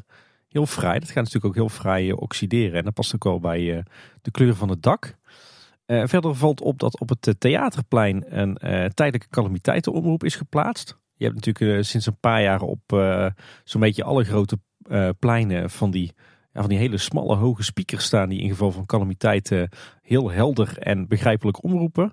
Nou, blijkbaar was er eentje te weinig bij het theaterplein en hebben ze die dingen ook ja, in verplaatsbare variant. Eigenlijk een soort trusconstructie in een, in een betonnen bak en die kunnen ze gewoon neerzetten. En dan heb je blijkbaar ook je calamiteitenomroep geregeld. En uh, nog opvallend op de Pardoespromenade. Daar heb je uh, natuurlijk de, de, de grote fonteinenbak of de grote waterbak. Daar is een hoop uh, onderhoud aan geweest de afgelopen maanden. zowel aan de natuurstenen afdekking als aan het leidingwerk. Maar die fonteinen staan nog steeds niet aan. En mogelijk heeft dat er iets mee te maken dat de, de waterleidingen die daar die, die spuitkoppen lopen, dat die allemaal omhoog komen drijven. Dus die moeten ze nog op de een of andere manier met wat eh, strips aan de bodem vastzetten. Ja, dat zou geen moeilijke fix moeten zijn. Nee. Dan naar het, eh, het andere rijk. Een uh, verrassend onderhoudsbeurtje. Want daar is het, uh, het terras van de Witte Walvis bij Matroos Gijs heeft een schilderbeurtje gehad. Je zou toch zeggen, die gaat na de zomer weg. Maar... Dat is vreemde timing, ja. Ja. Misschien stond hij nog ergens op een lijstje of zo. Uh, bij Joris en de Draak uh, is inmiddels ook de vuurbaan weer open. Hè, na dat akkefietje met, uh, met dat brandje en de schade die daarbij was ont, ontstaan aan de baan. Dat is inmiddels weer verholpen. En bron 1898 is nog volop in onderhoud. En we hadden het de vorige keer natuurlijk al over dat, dat de schachttoren in de steiger staat en dat er wat touwen hingen. En Loopings die heeft uitgezocht wat er nou precies aan de hand is. En zij schrijven met behulp van tientallen meters lange kabels takelen medewerkers zichzelf omhoog. Op die manier kunnen ze de constructie inspecteren en schilderen. En ze hebben een uh, kort filmpje op uh, loopings gezet. We zullen daarna linken in de show notes. Uh, dus inderdaad waarschijnlijk controle van de bouten. En, en verder viel op dat ze ook de, de tunnel van Bron 1898 hebben schoongespoten met, met hoogdrukspuiten. Dan verder, het terras van de Meermin heeft een schilderbeurt gehad. En nieuw op de onderhoudslijst is het kinderspoor. Want dat is op 16 en 17 juni gesloten voor onderhoud. Dan door naar het eh, Reisrijk. Daar wordt natuurlijk nog volop gewerkt aan het groot onderhoud van de pagode. Eerder konden we al melden dat het eh, torentje terug is geplaatst op de tempel. En daar is nu ook de piron bovenop gezet. Helemaal mooi opnieuw voorzien van eh, bladgoud en verlichting. En er wordt momenteel hard gewerkt aan nou, zeg maar de poortjes van de tempel. Die krijgen een, een nieuw mechanisme met extra beveiliging. Dan door naar Carnaval Festival. daar blijft toch de Moulin Rouge heel veel problemen geven. Moeten ze echt wat, uh, wat gaan doen aan de motor die erin zit. Of uh, ja, misschien stoppen met hem uh, iedere keer met dat fanfare momentje stilzetten en daarna weer opstarten. Want dat kan hij duidelijk niet hebben. en de vorige keer vertelden we al dat voor de, de ingang, voor de meandering van Carnaval Festival, dat die nieuwe plantvakken zijn aangeplant en voorzien van, van mooie hekjes met rode neuzen erop. Die doen het in de praktijk toch niet, niet zo heel goed, moet ik zeggen. Je ziet namelijk dat, uh, dat heel veel mensen, ondanks die, uh, die stalen hekjes en die struiken, gewoon dwars door de plantvakken banjeren. Ja, daar hebben ze wel iets aan proberen te doen nu. Hè? Want ze hebben zo'n uh, van die paaltjes neergezet en daar draden tussen gespannen. Ik denk net iets te laat hadden moeten doen toen ze het groen erin zetten. Want die ging al voor een deel vertrapt. Ja, dit moet gewoon even wat body krijgen, de groen. En dan stappen mensen er ook niet meer automatisch doorheen. Want ja, nu, nu het voelt bijna als van grasprieten die eruit steken. Zeg maar, zo klein is het allemaal nog. Nou. heeft gewoon tijd nodig. Ja, en dan zijn, uh, zijn Archipel en Sirocco natuurlijk nog uh, in onderhoud. Uh, er staat inmiddels eindelijk water in Archipel. Ik moet zeggen, het ziet er bijzonder vrij uit zo met, met water. Ik kan niet wachten tot de kids er ook daadwerkelijk kunnen gaan spelen. Zeker omdat we natuurlijk ook de, de watereffecten gaan zien die we eigenlijk nog niet kennen. ik ving op dat het diepste gedeelte van, van Archipel dat het wat minder diep gemaakt is. Zodat er wel uh, een certificering kan worden afgegeven. Maar ik heb zelf nog niet kunnen achterhalen waar dat dan zou zijn gebeurd en hoe. Ik weet niet of jij dat hebt gezien. Nee, ja, het is volgens mij sowieso heel moeilijk te zien. Want het enige afstand waarop wij te kunnen kijken is gewoon van veraf. En dan vertekent het wateroppervlak enorm. Ik heb geen idee. Het viel me trouwens wel op dat het uh, vandaag in het begin van de dag, toen stond er mooi schoon water in. Maar toen kwam die enorme regenbui van, uh, nou, een dik half uur, drie kwartier of zo. En toen was het water niet meer zo helder. Dus ik hoop dat er een goed filtersysteem in zit. Want als het water helder is, dan komt het mooi tropisch over. Zeker met die nieuwe geschilderde bodem. Maar als daar gewoon uh, ja, brak Hollandse regenwater in ligt, dan, eh, nee, dan is het toch niet helemaal. Volgens mij staat het, uh, staat het watersysteem ook nog niet aan. Hè? Dat moet volgens mij gaan circuleren met allerlei effecten. Het, effect van dat die, die golven een beetje erin komen, dat het water in wordt gespoten, dat was wel af en toe weer uh, aanwezig. Oké. Hm. Maar het heeft misschien net een half uur gedraaid nadat wij het hadden gezien. Hoor. Dus ze zijn duidelijk nog uh, aan het uh, tweaken aan uh, al die effecten. Ja. Nou. En verder viel me nog op dat ze, je, hebt, je hebt dat vergane scheepje midden in archipel met zo'n evenwichtsbalk. Dat moet volgens mij de mast voorstellen. Daar hebben ze nu alsnog weer een zeil aan vastgemaakt en wat netten aan toegevoegd. Die zaten er rond de openingsdag ook in, maar die zijn vrij snel weer weggehaald en die zijn nu weer teruggebracht. Zoals op tekening, cool. Ja. Ja, ja. en ja, het is wachten op heropeningen. Wel, wel nog een oproep van ons allen en ook van onze redactie aan de Efteling. zorg nou alsjeblieft voor een heleboel bankjes bij Archipel, maar ook bij Sirocco. Want ja, voorheen was er natuurlijk ontzettend veel zitplek op het Reisrijkplein. Al die banken die zijn met corona allemaal weggehaald, maar nooit meer teruggekeerd. En je merkt gewoon echt dat, je, dat er gewoon veel te weinig zitgelegenheid is in dit, dit parkdeel. Het viel me op toen Archipel open was. Dat bijna al die speelobjecten gewoon werden ingenomen door volwassenen die er ergens wilden zitten. En dat was gewoon de enige optie. Dus ja, zonder voor uh, de speeltoestellen. Want ja, die zijn er dan veel minder over voor de kinderen. Dus uh, ik zou zeggen, tijdelijk die houten banken terug. En misschien dat je dan ondertussen wat, wat permanente banken kan gaan maken in, in thema. Dan door naar het Marenrijk. Eh, bij Ravelijn wat ontwikkelingen. Draconicon die had natuurlijk weer problemen. Inmiddels hebben ze Draconicon permanent bovengronds gezet. Hij spuwt ook weer gewoon vuur. Maar goed, het mechanisme waarbij dat hij eerst verstopt staat in de kelder en tijdens de show omhoog komt, dat, dat werkt dus nog steeds niet. er werd trouwens bij Ravelijn ook gewerkt aan de coating van de trappen. Die werd opnieuw aangebracht. Dan door naar Villa Volta. De laatste plek in het park waar nog steeds kuchschotten staan. Ook niet zo gek, want om die kuchschotten te plaatsen hebben ze de hele me metalen meandering daar weg moeten halen. Uh, maar Loopings die komt met het nieuws dat die kuchschotten ook daar uh, eind mei of begin juni worden weggehaald. En Efteling die zegt daarover, het weghalen van deze kuchschermen die er staan in plaats van de reguliere meandering is een grote klus. We willen dit goed en netjes doen. Daarom hebben we dit nog even uitgesteld tot een geschikt moment. Nou, en dat eh, vindt dus ergens de komende weken plaats. Ik ben benieuwd of dan ook de, de gewone wachtrijhekjes terugkeren en of die in dezelfde vorm komen te staan eh, als voorheen. Door naar het, eh, het Lavelaar, daar is het lonkhuis inmiddels helemaal klaar. En ik dacht, nou nu is het wel, wel goed met onderhoud in het Lavelaar. Maar nee, ze gaan weer door naar het volgende projectje. Want het onderhoud van het leunhuis wordt, wordt opgestart. En dat is het een beetje achterin tussen Lals Brouwhuis en het Lurk en in. Waar eh, de gebroeders Elektriek bovenop die balk zitten. Dat is het, eh, het leunhuis en eh, daar gaat nu aan gewerkt worden. En dan gebeurt er ook nog een heleboel in het Sprookjesbos. Er wordt gegraven in het bos naast de Trollenkoning. Maar er wordt vooral hard gewerkt aan de papegaai. Papegaai zelf en de tak waar dat die op zit, die waren al eerder weggehaald. Maar nu is ook de volledige dakconstructie, die bestaat uit houten draagbalken met daarop leidjes, die is volledig verwijderd. En de leidjes die eh, liggen nog wel bij het sprookje. Uh, en het lijkt er nu op dat uh, die hele houten dakconstructie die op dat muurtje zit, dat die volledig wordt vervangen. Wellicht als die rot.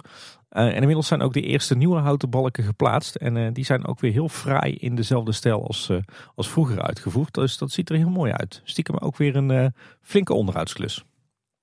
nog meer goed nieuws. bij Hans en Grietje is de, de, de kenmerkende geur weer terug. En ook het sprookje van Aspoester heeft onderhoud gehad. En dat is te zien, want de diverse duiven animatronics die werken weer in het showtje. Verder viel bij de Indische waterlelies nog op dat uh, de verschillende plantenbakken op het voorplein inmiddels voorzien zijn van palmen. En als je goed oplet, dan staan die in, in kunststof bakken. Dus waarschijnlijk worden die straks in de winter naar de kas gehaald. Die waren al een tijd lang verdwenen. En nou, goed om te zien dat ook die palmen weer terugkeren daar. Want die passen daar natuurlijk thematisch prachtig. En de vorige keer vertelde ik nog dat, dat de heks nogal last had van, van Parkinson met haar trillende handen. Maar inmiddels zijn haar bewegingen ook weer zoals het hoort. Dan uh, wordt er nog geschilderd bij Repelsteeltje aan het kozijntje. En bij de nieuwe kleren van de keizer is het, het rooster in de vijver wat defect was weer netjes gemaakt. Het meisje met de zwavelstokjes heeft ook de jaarlijkse onderhoudsbeurt gehad. Jammer genoeg is de, de folie waarop geprojecteerd wordt wel nog steeds ontzettend vies. En uh, blaast uh, het meisje nog steeds geen, uh, geen wolkjes ademlucht uit. Wat eigenlijk wel hoort te gebeuren natuurlijk. Maar ja, hopelijk wordt dat bij een volgende onderhoudsbeurt dan aangepakt. En de bankjes bij de uitgang van het Sprookjesbos, bij de Marskramer, die zijn allemaal weer terug na een schilderbeurt. En die zitten weer strak in de lak.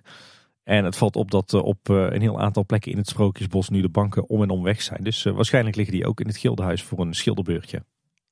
En nog wat kleine puntjes uit de wereld van de Efteling. Er wordt eh, geschilderd aan het eh, landhuis in Bosrijk. En het schilderwerk aan het wachthuisje bij eh, de inrit van de fietsstalling is helemaal klaar. En het viel op dat ze daar ook nog wat houten leidjes hadden vervangen. Verder ligt er nieuw asfalt in de Eftelingstraat ter hoogte van Bosrijk. Zeg maar achterin bij het parkeerterrein. Dat was ook hard nodig, want dat was helemaal bros geworden. En als we het toch over de Eftelingse straat uh, hebben, viel me nog op dat ze daar bezig zijn met, uh, met verkeersmetingen. Dus blijkbaar willen ze weten hoeveel dat die weg wordt, uh, wordt bereden. Ik ben benieuwd of dat, dat nog wat betekent in de toekomstplannen met die weg. Ja, dan het kort nieuws. Stel je wil verblijven in de Efteling, dan kun je op dit moment verblijven gaan boeken voor de kerstvakantie van 2022. En van 2 januari tot en met 21 december 2023. Dus eigenlijk tot de kerstvakantie weer heel het jaar daarna. Grofweg de komende anderhalf jaar. Er zijn daarbij ook diverse arrangementen beschikbaar met kerst en oud en nieuw. er zitten dinnerbuffetten bij en ook toegang tot het oud en nieuwfeest. Dus al stiekem half aangekondigd hier. Ja, goed opgemerkt. Er hangt ook een, een nieuw bord met openingstijden bij de entreepoort van het voorplein van het Huis van de Vijf Zintuigen. En daarop staat op dit moment van maandag tot met vrijdag van 10 tot 6 en van zaterdag en zondag tot, van 10 tot 7. Dat zijn de moderne openingstijden, maar er staat ook echt een berg aan uitzonderingen onder. Ja, inderdaad, in de kleine lettertjes, zullen maar zeggen. Het is wel helemaal viertalig het bord, dus er staat flinke bak informatie op. Nog een paar eh, horeca dingen. We hebben het al gehad over de nieuwe ijssalons. Hè, die de vervanging zijn van de Swirl Stations. Eh, de Swirl Happiness Stations. En eh, de ijssalon La Dame Blanche, die is open. Ja, inderdaad. Ziet er heel mooi uit. Hele mooie signing. En iets minder mooi, wel nieuw. de Coca-Cola's Freestyle automaten die zijn inmiddels geplaatst. tenminste op twee plekken. In het Witte Paard. Op eigenlijk een vrij vreemde plek. In het, het hoekje rechts achterin bij de afruimband. staat hij een beetje in het verdomhoekje. En bij uh, Frau zijn er twee geplaatst ja, op de plek van de snackluikjes aan de binnenzijde. ja, een vrij hip design, niet per se Eftelings, maar... Nee, nou, mooi, mooi is het niet inderdaad. Nee. En ook wat merchandise dingen, gewoon alweer. Er is wat nieuwe 70 jaar Efteling merchandise. Dus er een sleutelhanger die je voor 6 euro kunt scoren in de, de huisstijl. Ziet er wel heel aardig uit, die, die 70 jaar huisstijl. En ook zilveren theelepeltjes kun je nu scoren, wederom met een afbeelding in die 70 jaar huisstijl. Eh, maar ook met de oude Efteling E. Ja, heel fraai. Dit, deze gaan toch wel echt op het verlanglijstje bij mij. En Tim, die Efteling Sprookjes Omnibus hebben we al een paar keer aangehaald. Je hebt hem inmiddels binnen, hè? Ja, nog wel een dikke pil te zijn, als ik jou het geloof. Allemachtig, wat een boek zeg. Echt een enorm dikke pil. Enorm zwaar ook. Ja, daar zitten eigenlijk al die gouden boekjes die in de loop der jaren zijn uitgebracht uh, uh, van de Efteling. Zitten eigenlijk allemaal in één boek. Oh, is wel een mooie uitgave. Het is niet zo dat ze klakloos die boekjes hebben overgenomen. Maar ze hebben de layout wel helemaal netjes aangepast. En uh, nog wat informatie over die sprookjes in de Efteling toegevoegd. Ook een mooie inhoudsopgave waarin je ziet wie de illustratoren zijn. Heel mooi, uh, mooi boek. Zelf heb ik nooit de moeite genomen om al die gouden boekjes los te kopen. Dus ja, dit was voor mij een, eh, een mooie manier om alsnog al die sprookjes en illustraties uh, te bemachtigen. En wat leuk is, is dat er heel wat sprookjes geïllustreerd zijn door bekende namen. Zoals uh, Sander de Bruin, Jeroen Vrij, maar ook bijvoorbeeld Alessio Castellani, de, de illustrator die inmiddels weg is. Dus zeker ook een, een must-have als je die afbeeldingen of die illustraties van de Efteling ontwerpers wil hebben. Ja, cool. En luisteraars die weten natuurlijk dat het Efteling tafellinnen eraan gaat komen. Dat is dan die exclusieve set die in samenwerking met het Textielmuseum is gemaakt.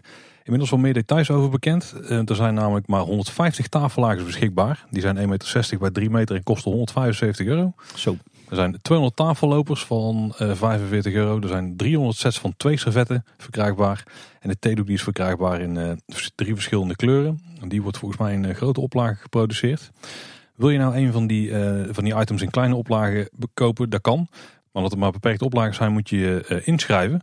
En op basis van de inschrijving wordt dan alles verkocht. Nou, als je dit hoort, dan ben je eigenlijk te laat, want je kon je daarvoor opgeven tot 22 mei. En als je dan uh, uiteindelijk eruit bent gekozen, dan krijg je er allerlei informatie over. Maar nou, heb je nou niet jezelf op die inschrijflijst gezet, dan heb je misschien nog geluk. Want de mensen die dat wel is gelukt, die kunnen tot 30 juni hun spullen ophalen. Blijft er nou toch nog iets over? Of is er iets niet verkocht van de eerste van die oplage die er is? Dan kun je vanaf 1 juli in de vrije verkoop in de oude Marskamer alsnog misschien een van die items scoren. Maar dan moet je wel geluk hebben. Nee, ingewikkelde procedure weer. Uiteraard, daar zijn ze goed in. Hè? Ja, en nog een ander leuk uh, klein nieuwtje. Want bij het uh, Huis van de Vijf Zintuigen is de grote kist teruggekeerd. Uh, die daar staat om ja, plattegronden in te zamelen die mensen niet meer nodig hebben aan het eind van de dag. Toch weer goed voor het milieu. En qua vacatures staat nog steeds een berg open. Het zal je niks verbazen. Check het allemaal op de Efteling website. Maar er is er eentje die sprong wel uit. Er is namelijk een auditie uitgeschreven voor een parkproductie. En daar was ook dus namelijk een acteur en actrice voor. De Efteling schrijft voor een nieuwe entertainmentproductie zijn we op zoek naar acteurs die een nieuwe rol kunnen spelen in het park vanaf medio oktober 2022. Het zal een productie zijn die dagelijks te zien is in de Efteling. De Efteling omarmt diversiteit en inclusiviteit en de oproep staat voor iedereen open. Dat is niet helemaal waar misschien, want ze zoeken iemand die 55 plus is. Dus daarmee sluit toch wel een groot deel uit. Ja. Um, die goed kan vertellen, die kan improviseren, die kan zingen. En die karakteristiek is of zich eigen heeft gemaakt. Ja. Ik weet niet helemaal wat dat dan betekent. Ik denk dat wij toch wel heel karakteristiek zijn bijvoorbeeld. Oké, okay, volle waarde rond. Ja, interessant. Vanaf half oktober 2022 zouden we dan toch Halloween krijgen in de Efteling. Zo, dat is het eerste waar je naartoe gaat. Ja, ja, ja, ja dat is wel in, in die tijdsperiode. hè. Misschien is dit eh, wel iets wat te maken heeft met het spookslot. Dat ze dat er nog voor griezelig entertainment willen hebben. Gewoon omdat het spookslot er niet meer is.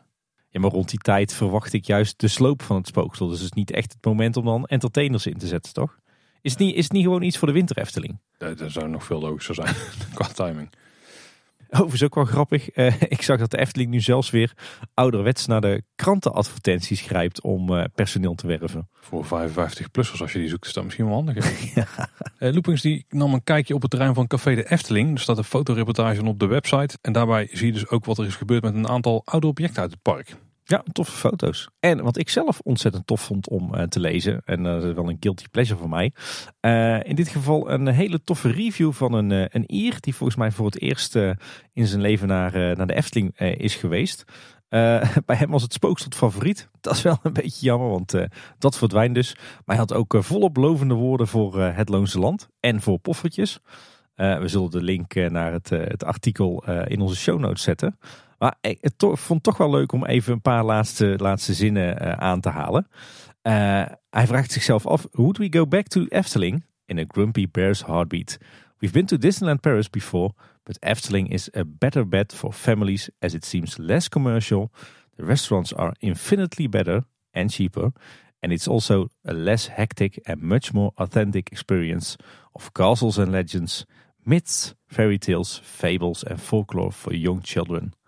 You get to pet goats in an authentically stinky barn full of haystacks too.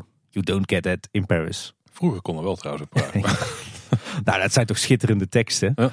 Prachtige lovende woorden voor, eh, voor de Efteling. Dus eh. Ja. ze doen absoluut wat goed eh, daar in Kaatsheuvel. Ja, dan in de periferie van Efteling is er ook nog wat gebeurd. Want het golfpark de Loonse Duinen die krijgt een uitbreiding. Ja, inderdaad. Weer een bouwproject erbij eh, voor ons om te volgen, Paul. Ja, niet echt meer op Efteling grond. Ja, nou, technisch gezien trouwens wel op Efteling grondgebied. Want volgens mij uh, ze dit die kant op. Ja, de Efteling is eh, nog steeds eigenaar van alle grond van het golfpark.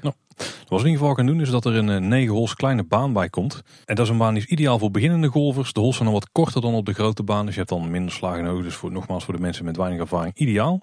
Ontwerp is van Bruno Steensels. Zegt ons niks. Maar misschien voor de geoefende golfers eh, onder ons. Hè, wie weet het. Ja, schijnt een eh, grote naam te zijn in eh, ontwerpland. Het eind dit jaar zou het allemaal gereed moeten zijn. Nou, moeten we de tegen tijd misschien toch maar weer eens een kijkje gaan nemen daar. Ja, dit is voor ons ideaal, Tim. Maar zijn zeker beginnende golfers. Ja. Weet je wat voor jou ook ideaal is, Paul? Heel veel denk ik. Maar ik, ja, wat doe je op? Je moet echt naar onze plaatselijke Albert Heijn. Daar ben ik afgelopen week nog geweest. Heb ik iets gemist? Ja, daar is zo waar momenteel een uh, heuse animatronic show. Oh, waar? Waar? Hoe? Wat? Waar? Hoe? de, de vleesafdeling. Oh, daar ben ik niet geweest. Nee, bij de vleesafdeling. Ja, Wat voor animatronics hebben ze daar? Ik ja niet dat, dat, dat, dat, hou- dat ik nog even voor mezelf. Dat moet je natuurlijk zelf gaan ervaren. Nou, dan rapporteer ik binnenkort over wat ik daar eh, heb meegemaakt. Ik moest, ik moest aan jou denken, maar ja, dat kan ik niet anders zelfs. Het gaat over animatronics. Weet je wanneer ik vandaag trouwens ook aan jou moest denken, Paul? Nou, bij de uitslag van de podcast eh, of de Online Radio Awards of zo. Nou, niet zozeer bij de uitslag, maar wel toen ik daar was. Want zo'n beetje het, eh, het hele congres wat daar werd, eh, werd gegeven. En bijna alle gesprekken tussen podcastmakers daar gingen over de komst van Podimo. Och jee. En de betaalmuur waar steeds meer podcasts achter verdwijnen. Ik geloof dat een beetje de hele tendens op het evenement ook wel was dat ja, podcasts allemaal steeds commerciëler moeten en betaald en achter een betaalmuur. Daar was iedereen daar allemaal heel erg voorstander van. Dus misschien dat we daar, daarom ook wel niet hebben gewonnen. Ik weet het niet, maar eh, Podimo kwam daar geregeld voorbij. En jij vindt er ook wat van, hè? Nou, zo rollen we heel smooth en dan nog dit in. Maak ik een keer het bruggetje. Nee, ik, ik, ik, ik had een, een relaas beloofd over Podimo. Of weet je dat het eigenlijk Podimo is? Ik, ik hoor iedereen het op een andere manier uitspreken. Nou, Podimo is in ieder geval, je het zelf eh, noemen op een site of zo, mag je het, zo moet je het uitspreken, maar met een enige knipoog. Dus ik denk dat Podimo ook prima is. Nee, kijk, die, die, sfeer die jij daar proefde, Tim, dat is ook wel iets waar, ik een beetje, ja, ik weet niet, ik vind een beetje eng. Weet je wel, podcasts zijn ontstaan eh, uit een open standaard, hè, de RSS-standaard, want daar kon je dan eh, vroeger artikelen mee delen. Op een gegeven moment is er een audiocomponentje aan toegevoegd en dachten mensen, hé, dat is cool, dan kunnen we op die manier dus, eh, ja, ingesproken shows zeg maar, eh, de wereld in slingeren. En dan kun je over ieder onderwerp laten gaan wat we maar willen. Nou, op een gegeven moment kwamen er steeds meer apparaten om die dingen te luisteren. Maar het is ooit begonnen in echt die, die hobby-sferen. Echt de, de, de nerds die een beetje aan het aanklooien waren. Die meteen al heel erg de niche indoken op heel veel plekken. Want ja, nu was er eindelijk een keer een plek om dat soort content makkelijk bij mensen te krijgen. Zonder dat je een heel radiostation hoeft op te zetten. Ik bedoel, wie gaat er Efteling Radio beginnen? Nou, de Efteling, maar je snapt wel een beetje wat ik bedoel, denk ik. Uh, en, dan, als je dan die, die, ja, ik weet niet, voor de mensen die dan op zo'n event zijn en ook heel veel podcastmakers of zo, die, zien het gewoon als een, uh, een, een onderneming voor het gewin, voor financieel gewin, zeg maar. En daar vind ik een beetje een, en dat is misschien helemaal geen enge ontwikkeling, want er is niks mis mee als jij een podcast maakt dat je daar iets van geld mee wil verdienen. Alleen als de insteek van het maken van een show al is dat het uh, commercieel interessant moet zijn, dan denk ik dat, dat het in potentie een, in vrij weinig geval ook echt een interessante show is om naar te luisteren. Nou, je, je ziet natuurlijk wel, als je nu kijkt naar het, eh, het podcast aanbod, hoe zich dat ontwikkelt uh, de laatste jaren, misschien wel maanden. Het wordt allemaal wel steeds meer mainstream. Hè? Het, wordt steeds meer, het zijn steeds vaker podcasts die uh, door een grote organisatie worden gemaakt. Een, een NPO, een, dag en nacht. het is ook vaker mainstream. Het is vaker met, met BN'ers. En echt, echt die niche onderwerpen het lijkt alsof de focus steeds meer gaat naar podcasts voor het grote publiek met meer algemenere onderwerpen. En er is in de basis ook niks mis mee. Hè? Kijk, uiteindelijk is het zo dat als een podcast interessant genoeg is om naar te luisteren, dan is het goed. Alleen als jij kunt luisteren naar like-minded mensen die het over een onderwerp hebben wat jou heel erg ligt, dat is gewoon een heel sterk concept. En dan maakt de band ook heel persoonlijk. Maar als je gaat naar van die groots uitgedachte concepten, weet je wel, dan, dan het gaat steeds meer verder van de luisteraars afstaan. En dan uiteindelijk, want dat is wat Podium natuurlijk probeert te zijn, al die bedrijven die hebben allemaal zo'n plan waarmee ze de Netflix van de podcasts willen worden. Ja. Ja, wat is de, de relatie die jij hebt met die shows die op Netflix staan of op Disney Plus of net wat dan ook, weet je wel. Ja, die kijk je, daar geniet je van, maar de, de, de, de band die je opbouwt met degene die die show maken, die is compleet anders dan met de podcast. Dat is ja. gewoon niet te vergelijken. Um, en ik denk dat dat ook de reden is waarom er zo'n backlash was richting Podimo. Want die ging vooral over betalen. Iets wat je heel lang gewoon kreeg uh, van, van mensen in principe gratis. Kon je daar gebruik van maken. Uh, dat gaat dan één keer achter een betaalmuur. En heel veel mensen denken daarom door. Dus die band die ik vermoed dat ze hebben opgebouwd met die mensen van. Ja, ik krijg nou een dikke. Ja, jij gaat in één keer achter de betaalmuur. Ik ben gewoon weg. Ja. En daar kwam, kwamen vrij veel negatieve reacties op. Nou, heb ik daar op zich minder problemen mee dat die mensen achter de betaalmuur gaan. Dat moeten ze helemaal zelf weten. Ik bedoel, uiteindelijk, ja, je markt wordt waarschijnlijk kleiner door. En als je, als je dat prima vindt en je verdient er dan aan, is goed. Want je hebt een creatieve uitlating, dan mag je gewoon geld aan verdienen. Geen probleem mee. Als jij sponsors wil zoeken, op, die manier proberen. Of je gaat met uh, Patreon aan de gang of met uh, Petje Af of zo. Allemaal prima. Ja. Nou, nou ja, iets met wat mij ook al opviel tijdens uh, vandaag deze online radio awards. Podcast maken wordt steeds meer werk en steeds minder hobby. Ik was denk ik een van de weinigen daar op, op die bijeenkomst. En we waren echt met velen. Maar die, die podcast maken, of media in algemene zin, niet als zijn werk had. Terwijl ooit begon het medium podcast natuurlijk als voor velen als een uit de gelopen hobby. Ja, er was helemaal geen geld mee te verdienen. Op een gegeven moment een beetje met sponsors en zo. Hè. In de Verenigde Staten veel. Maar ja, dat is ook het ding, dat werkt in Nederland niet. Want het Nederlands afzetgebied is gewoon te klein om daar heel interessant te hebben voor sponsors. Alleen de allergrootste podcasts die kunnen wat sponsors krijgen. Tenminste, die, die meer dan een paar tientjes uh, willen betalen voor een advertentie. Dat je er bij wijze van spreken iemand van zou kunnen aannemen om te editen. Of dat je er je werk van kunt maken, zeg maar. Ja. Dan gaat als je een Engelse podcast maakt natuurlijk veel makkelijker. Want ja, de, de, de potentiële advertentiedoelgroep is daarmee veel groter. En dat is een probleem in Nederland. En daarom zie je dus ook dat Nederlandse podcasts, heel, die, die er iets van geld aan willen verdienen, of die er misschien zelfs een werk van willen maken, dat die daar heel veel ja, moeite mee hebben gehad. Ik denk dat een heel goed voorbeeld is van een uh, plek waar het wel goed gaat, is uh, Trust Nobody. Die hebben, volgens mij hebben ze duizend patrons, want dan voor je Patreon.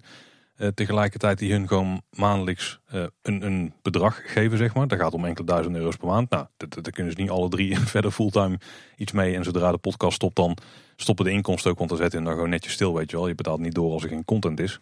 Maar het kan dus wel. En, maar er zijn podcasts met veel meer luisteraars, maar die lukt het dan weer niet om dan via dat soort methodes voldoende ja, inkomsten op te halen om het interessant te houden. En dan komt er een, een groot bedrijf, daar zit heel veel geld achter. Podimo hebben dus nou weer over. Volgens mij meer dan 100 miljoen euro aan investeringen. En die, ja, die, die, die geeft volgens mij een hele hoop van die clubs gewoon uh, geld zodat ze überhaupt naar hen toe komen. Ik weet ook dat sommige podcasts die hebben budgetten gekregen om nieuwe type afleveringen te maken. Nou, ik kan, je, ik kan me je vertellen Tim, zo'n zak geld gaan ze ons nooit aanbieden. Dat wij, uh, weet ik veel, een paar maanden vrij kunnen nemen en dan een hele coole Efteling content kunnen maken. Want daar zijn wij niet bekend genoeg voor, niet groot genoeg voor, weet ik veel wat. Niet mainstream genoeg. Nee, niet mainstream genoeg, nee. Kijk, en dan hebben die podcastmakers, die, die hebben dus geld. Die hebben waar gekregen voor de creatieve uitspatting die ze hebben. Helemaal prima. Het probleem wat ik wel heb met Podimo is dat het een gesloten platform is. Ehm, wat betekent dat die podcasts eh, waar je dus geld voor moet betalen om ze te luisteren. Want dat kan dus bij Podimo. We hebben er niet eens aangehaald, maar je kunt 5 euro per maand betalen. Dan krijg je toegang tot alle exclusieve shows die daar staan. Die kun je dus niet in andere podcast apps luisteren. Kijk, dat is een, dat is een ontwikkeling die vind ik wel mm, vervelend. Bij Spotify had je dat ook al. En eh, nou laten we heel eerlijk zijn, Spotify is niet de beste podcastspeler die er is. En Podimo is daar verre van. Dat ding verbruikt blijkbaar uh, dat het verbrandt data terwijl je gewoon staat te, ja, niet eens staat te kijken naar je scherm. Ook als je op de achtergrond zit, gaat het helemaal los. Uh, buiten dat dan de player heel weinig opties heeft en zo. Maar je gaat dus podcasts opsluiten in specifieke apps. En die app in dit geval is dan ook nog een app waar investeerders geld achter zit. En investeerders stoppen niet geld in zo'n platform omdat ze daar gewoon gezellig vinden. Nee, die willen er ook return on investment op krijgen. Die willen gewoon kraken. En uh, Podimo lijkt niet een app te zijn of niet een, een, bedrijf te zijn wat uiteindelijk gaat voor een grote exit. Hè. Dus dat ze zich verkopen voor, eh, weet ik veel, hoeveel miljard aan uh, een Spotify of zo. En dat op die manier die investeerders geld krijgen. Want als dat de bedoeling is, dan zie je vaak dat ze alles gewoon gratis houden. Dat ze gewoon proberen zo groot mogelijke markt op te bouwen. En dan zijn ze daardoor veel waard en kunnen ze zichzelf makkelijk wegzetten. Dus ze vragen nu al geld. Dus het idee is gewoon dat ze snel geld gaan verdienen. En op zo'n niveau dat dan die aandeelhouders, dus die investeerders, want die hebben al een stukje aandeel, dat die er geld uit gaan krijgen. Dat betekent dat het voor het podium het allerinteressantste is om die populaire podcasts, waar ze dus eh, geld voor vragen, om die zoveel mogelijk te promoten. Want dan die andere gratis podcast, want je kunt ons dat bijvoorbeeld ook luisteren. We hebben het erover gehad. We, hebben ons niet uit die database laten halen. Want stel je wil je daar wel, uh, je wil wel gebruik maken van Podimo. Dus verder aan jou, dan mag je kleine boodschap daar gewoon luisteren. Daar gaan we je daar niet dwars zitten of zo. Want we kunnen onszelf uitschrijven, maar dat hebben we beurs niet gedaan. Uh, maar dus een besloten platform kun je dus die podcast niet ergens anders luisteren. En dat lijkt een beetje een stappenplan te zijn. Hè? Ze hebben nu een hoop populaire podcasts binnengehaald. En daarmee dus ook een hoop luisteraars. Nou, die groep luisteraars ehm, die heeft in principe geen enkele reden om buiten Podimo nog podcasts te gaan luisteren. Want ze kunnen alle andere podcasts er ook luisteren. Want, in de, want het is naast zo'n besloten podcastplatform ook gewoon een podcast app die gebruik maakt van al die open podcasts. Zoals het al een miljoen jaar gaat in de podcastwereld. Als ze geld willen blijven krijgen, dan moeten ze dus ook hun redenen geven om te blijven betalen. Nou, dan gaan ze dus waarschijnlijk andere betaalde exclusieve podcasts aanbieden. Want daar hebben ze het meeste mee te winnen. Als ze gaan vertellen, je kunt ook al deze gratis podcasts luisteren. Ja, waarom zou je dan geld gaan betalen? Weet je wel? Als daar dingen tussen zitten die jou gaan afleiden van de dingen waar je voor betaalt. Is voor Podium ook helemaal niet interessant. Dus zorg dat die groep podcast uh, luisteraars in hun app blijft groeien. En dat ze steeds meer een beetje de standaard worden. En als dat uh, zo is, als iedereen steeds meer mensen opslokken en opsluit in die app, is dat daar de enige plek waar je podcasts kan vinden. In een platform die dus geen enkele reden heeft om ja, de kleinere initiatieven te promoten. Sterker nog, daar hebben ze zelfs liever niet dat je daarnaar luistert. Ze willen het liefst dat je alleen maar luistert naar die exclusieve dingen. Want daar zit geld in. Daar krijgen investeerders waar ze ook gewoon verantwoordelijkheden aan uh, hebben af te leggen. Uh, ja, daar zit hun winst ook in. Dus daar, daar ben ik een beetje bang voor.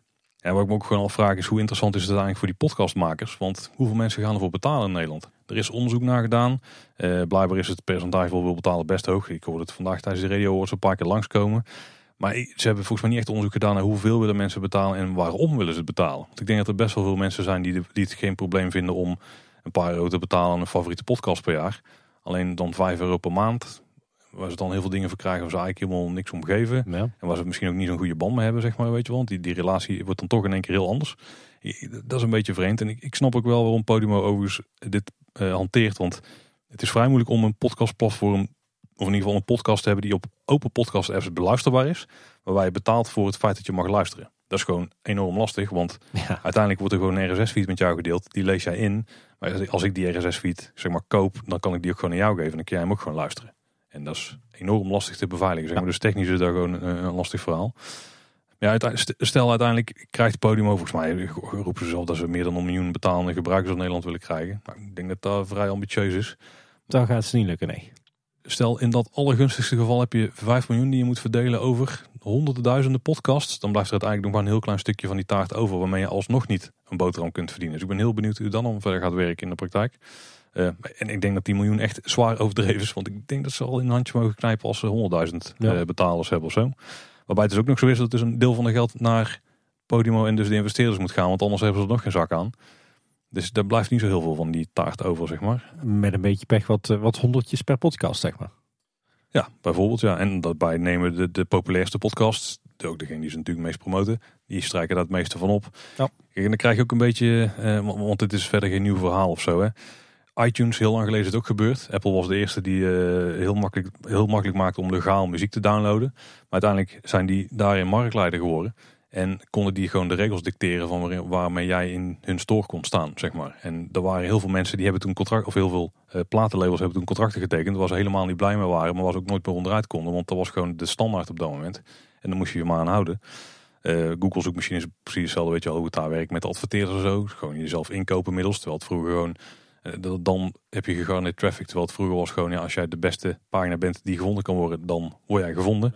En YouTube is eigenlijk ook een heel goed voorbeeld daarvan, want daar wordt ook steeds meer content in opgeslokt. Maar je ziet ook regelmatig toch horrorverhalen van mensen die al hun uh, content kwijt zijn door ja, vreemde beslissingen die worden gemaakt op platform. Ja, YouTube is de platform ehm, eigenaar en die, die mag daar gewoon. Die kan daar gewoon doen. Die kan je daar gewoon afschoppen als daar iets niet naar wens is. Of, of, zelfs om redenen die misschien niet zo heel legitiem zijn verder.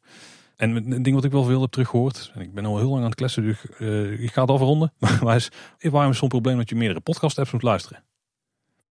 Ik denk ja, dat is in eerste instantie best een geldige vraag. Want dat doe je bij, uh, bij streaming video doe je dat ook. Maar um, kijk, de huidige standaard is gewoon als jij een podcast wil luisteren, dan kan er gewoon in iedere podcast app. Maar dat kan dus nu niet meer. Dat komt met Spotify ook al een beetje niet meer. Maar dat was vooral allemaal Engelstalig. Dus dat heeft in Nederland nooit echt een vlucht genomen. Uh, en bij videoservices is het ook zo. Kijk, uiteindelijk als jij een video aanzet.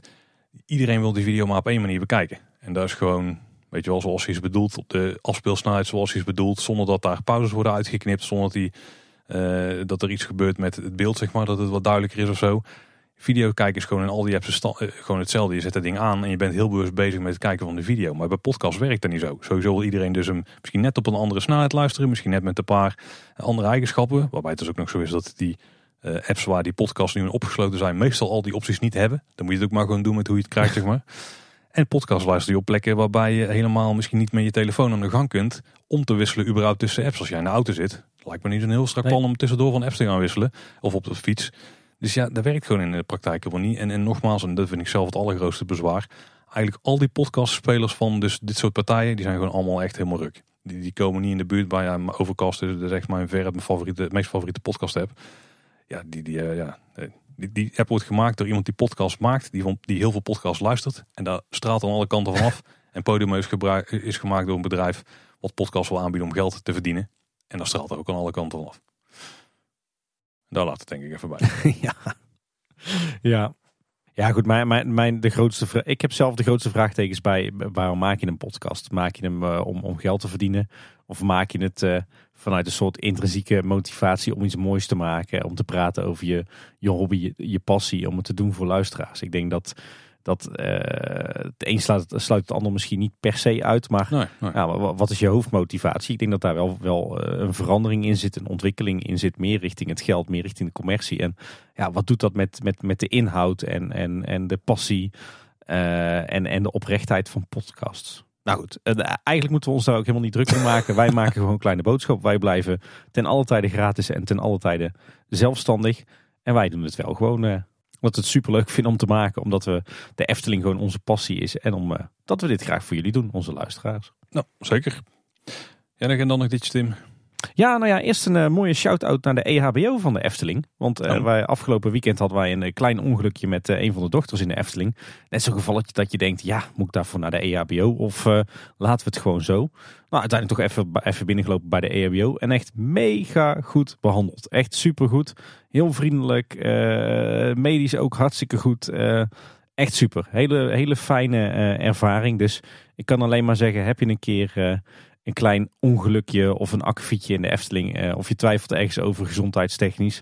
Loop gerust uh, binnen bij de EHBO in het Marenrijk. Want uh, het voelt echt als een warm bad. Echt, ik was bijzonder aangenaam verrast daar. Of ja, nou, niet echt verrast, maar het was gewoon een bijzonder aangename ervaring. En wat verder ook wel leuk is, afgelopen weekend zijn we weer eens naar Plaswijkpark geweest in Rotterdam. Een van de weinige, denk ik, echt Nederlandse stads pretpark. Alhoewel, je kan daar een vraagteken achter zetten hoor. Het is niet van een kaliber Tivoli Gardens of uh, Liseberg. maar het is ooit zo wel begonnen, 100 jaar geleden, als, uh, als stadspark waar uh, steeds meer attracties bij kwamen. En tegenwoordig is het een beetje een mix van park, mm, dierentuin, een verkeerstuin, wat binnenspeeltuinen. Een hele leuke plek om te zijn.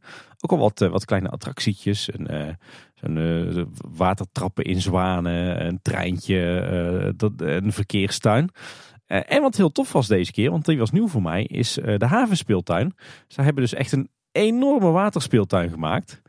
En niet zoals Archipel met een plasje water waar je een beetje over, overheen kan balanceren. Maar eigenlijk is het gewoon één enorm uh, zwembad, maar dan ondiep. Met enorm veel watereffecten en, en speeltoestellen in het water. En ja, op een warme dag is het echt uh, de perfecte plek om te zijn. Dus wat dat betreft, daar kan Archipel er nog een puntje aan zuigen. Qua attractiviteit al, want Archipel is natuurlijk wel tien keer mooier.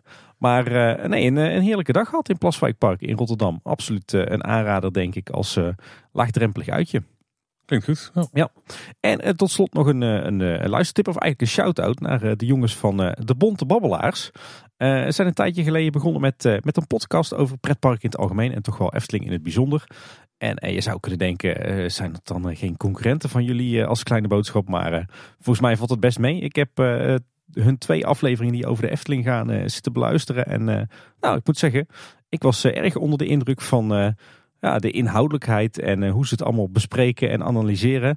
En dat voor twee gasten die allebei maar half zo oud zijn uh, als jij en ik, Paul. Dus uh, dat doen ze ontzettend goed. Ik luister er met veel plezier naar. En nou, misschien zijn dat over een paar jaar wel de nieuwe Paul en Tim. Kijk. Dus jullie zijn goed bezig, jongens.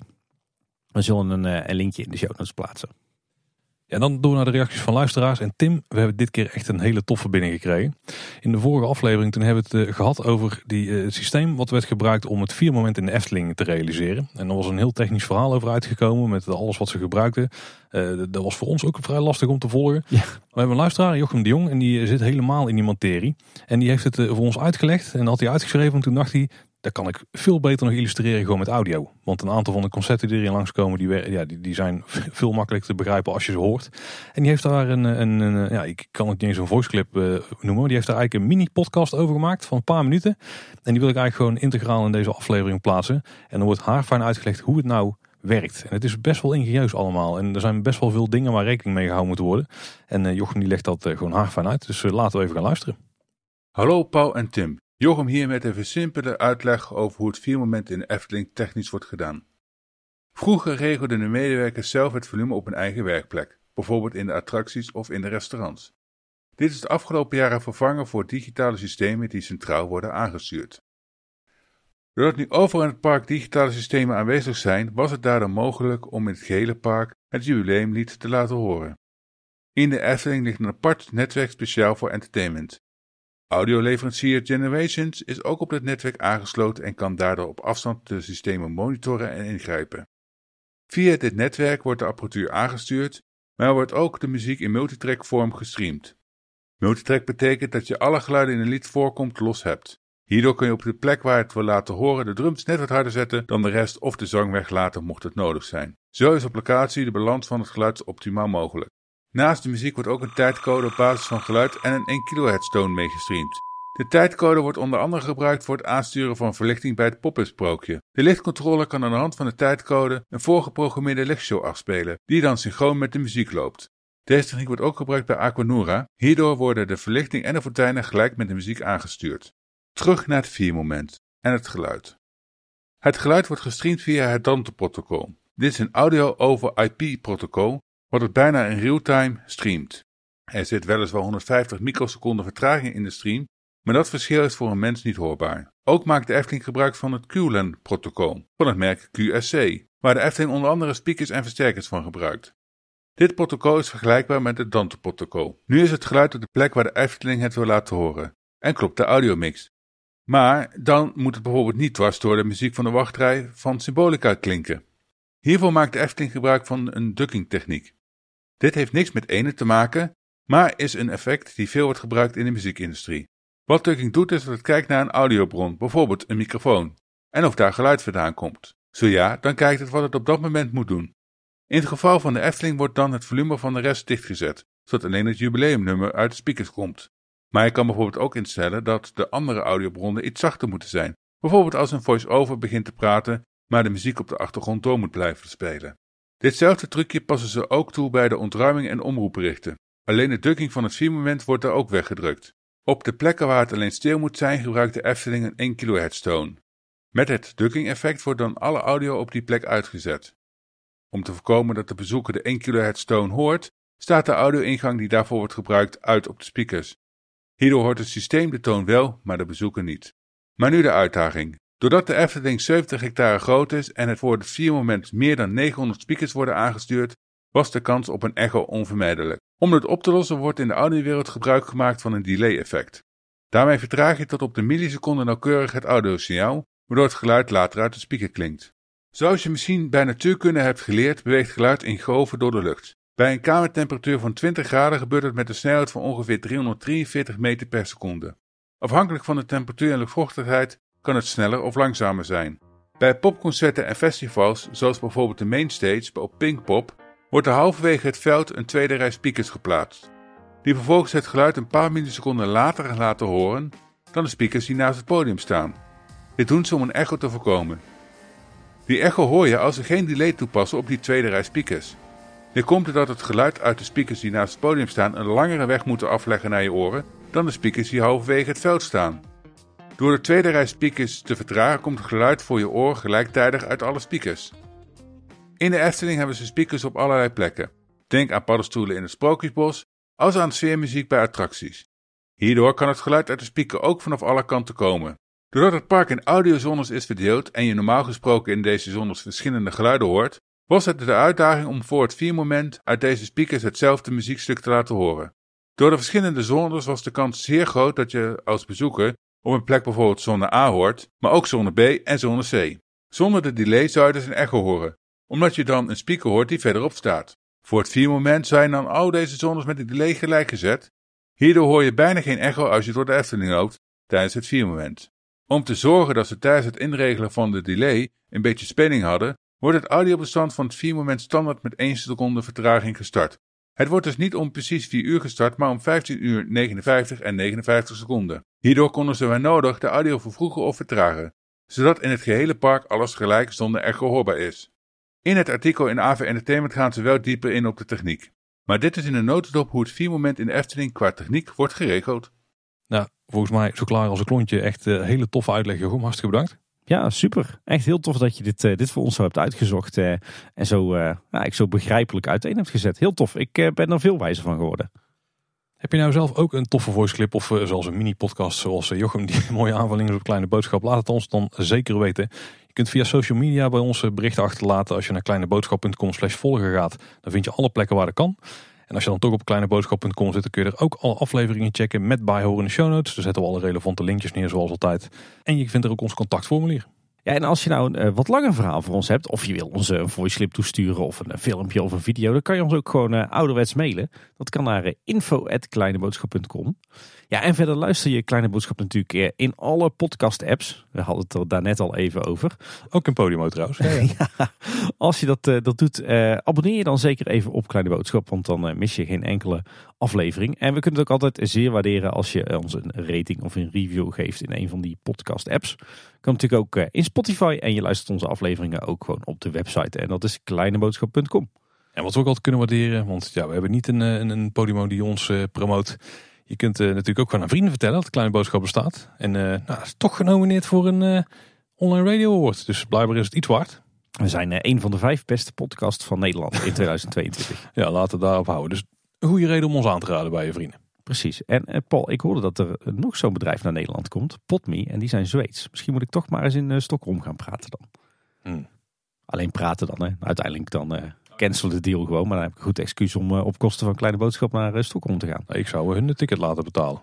Moet ze wel een worst voor houden, zo werkt nou, ja, trouwens op kosten van kleine boodschap heeft weinig zin, want dan betaal ik hem alsnog zelf. Dan gaat het wel de negatieve, dan gaat het budget gaat dan direct de, onder nul zakken. Maar als we het hebben over reizen, en Zweden en Stockholm, dan eh, komen we weer uit bij onze andere podcast, hè, De Buitenwereld. En uh, daar komt binnenkort weer een uh, aflevering over. Binnenkort, we moeten hem nog opnemen. Ja. Dat was in ieder geval weer voor deze week. Bedankt voor het luisteren, tot de volgende keer en houdoe. Houdoe.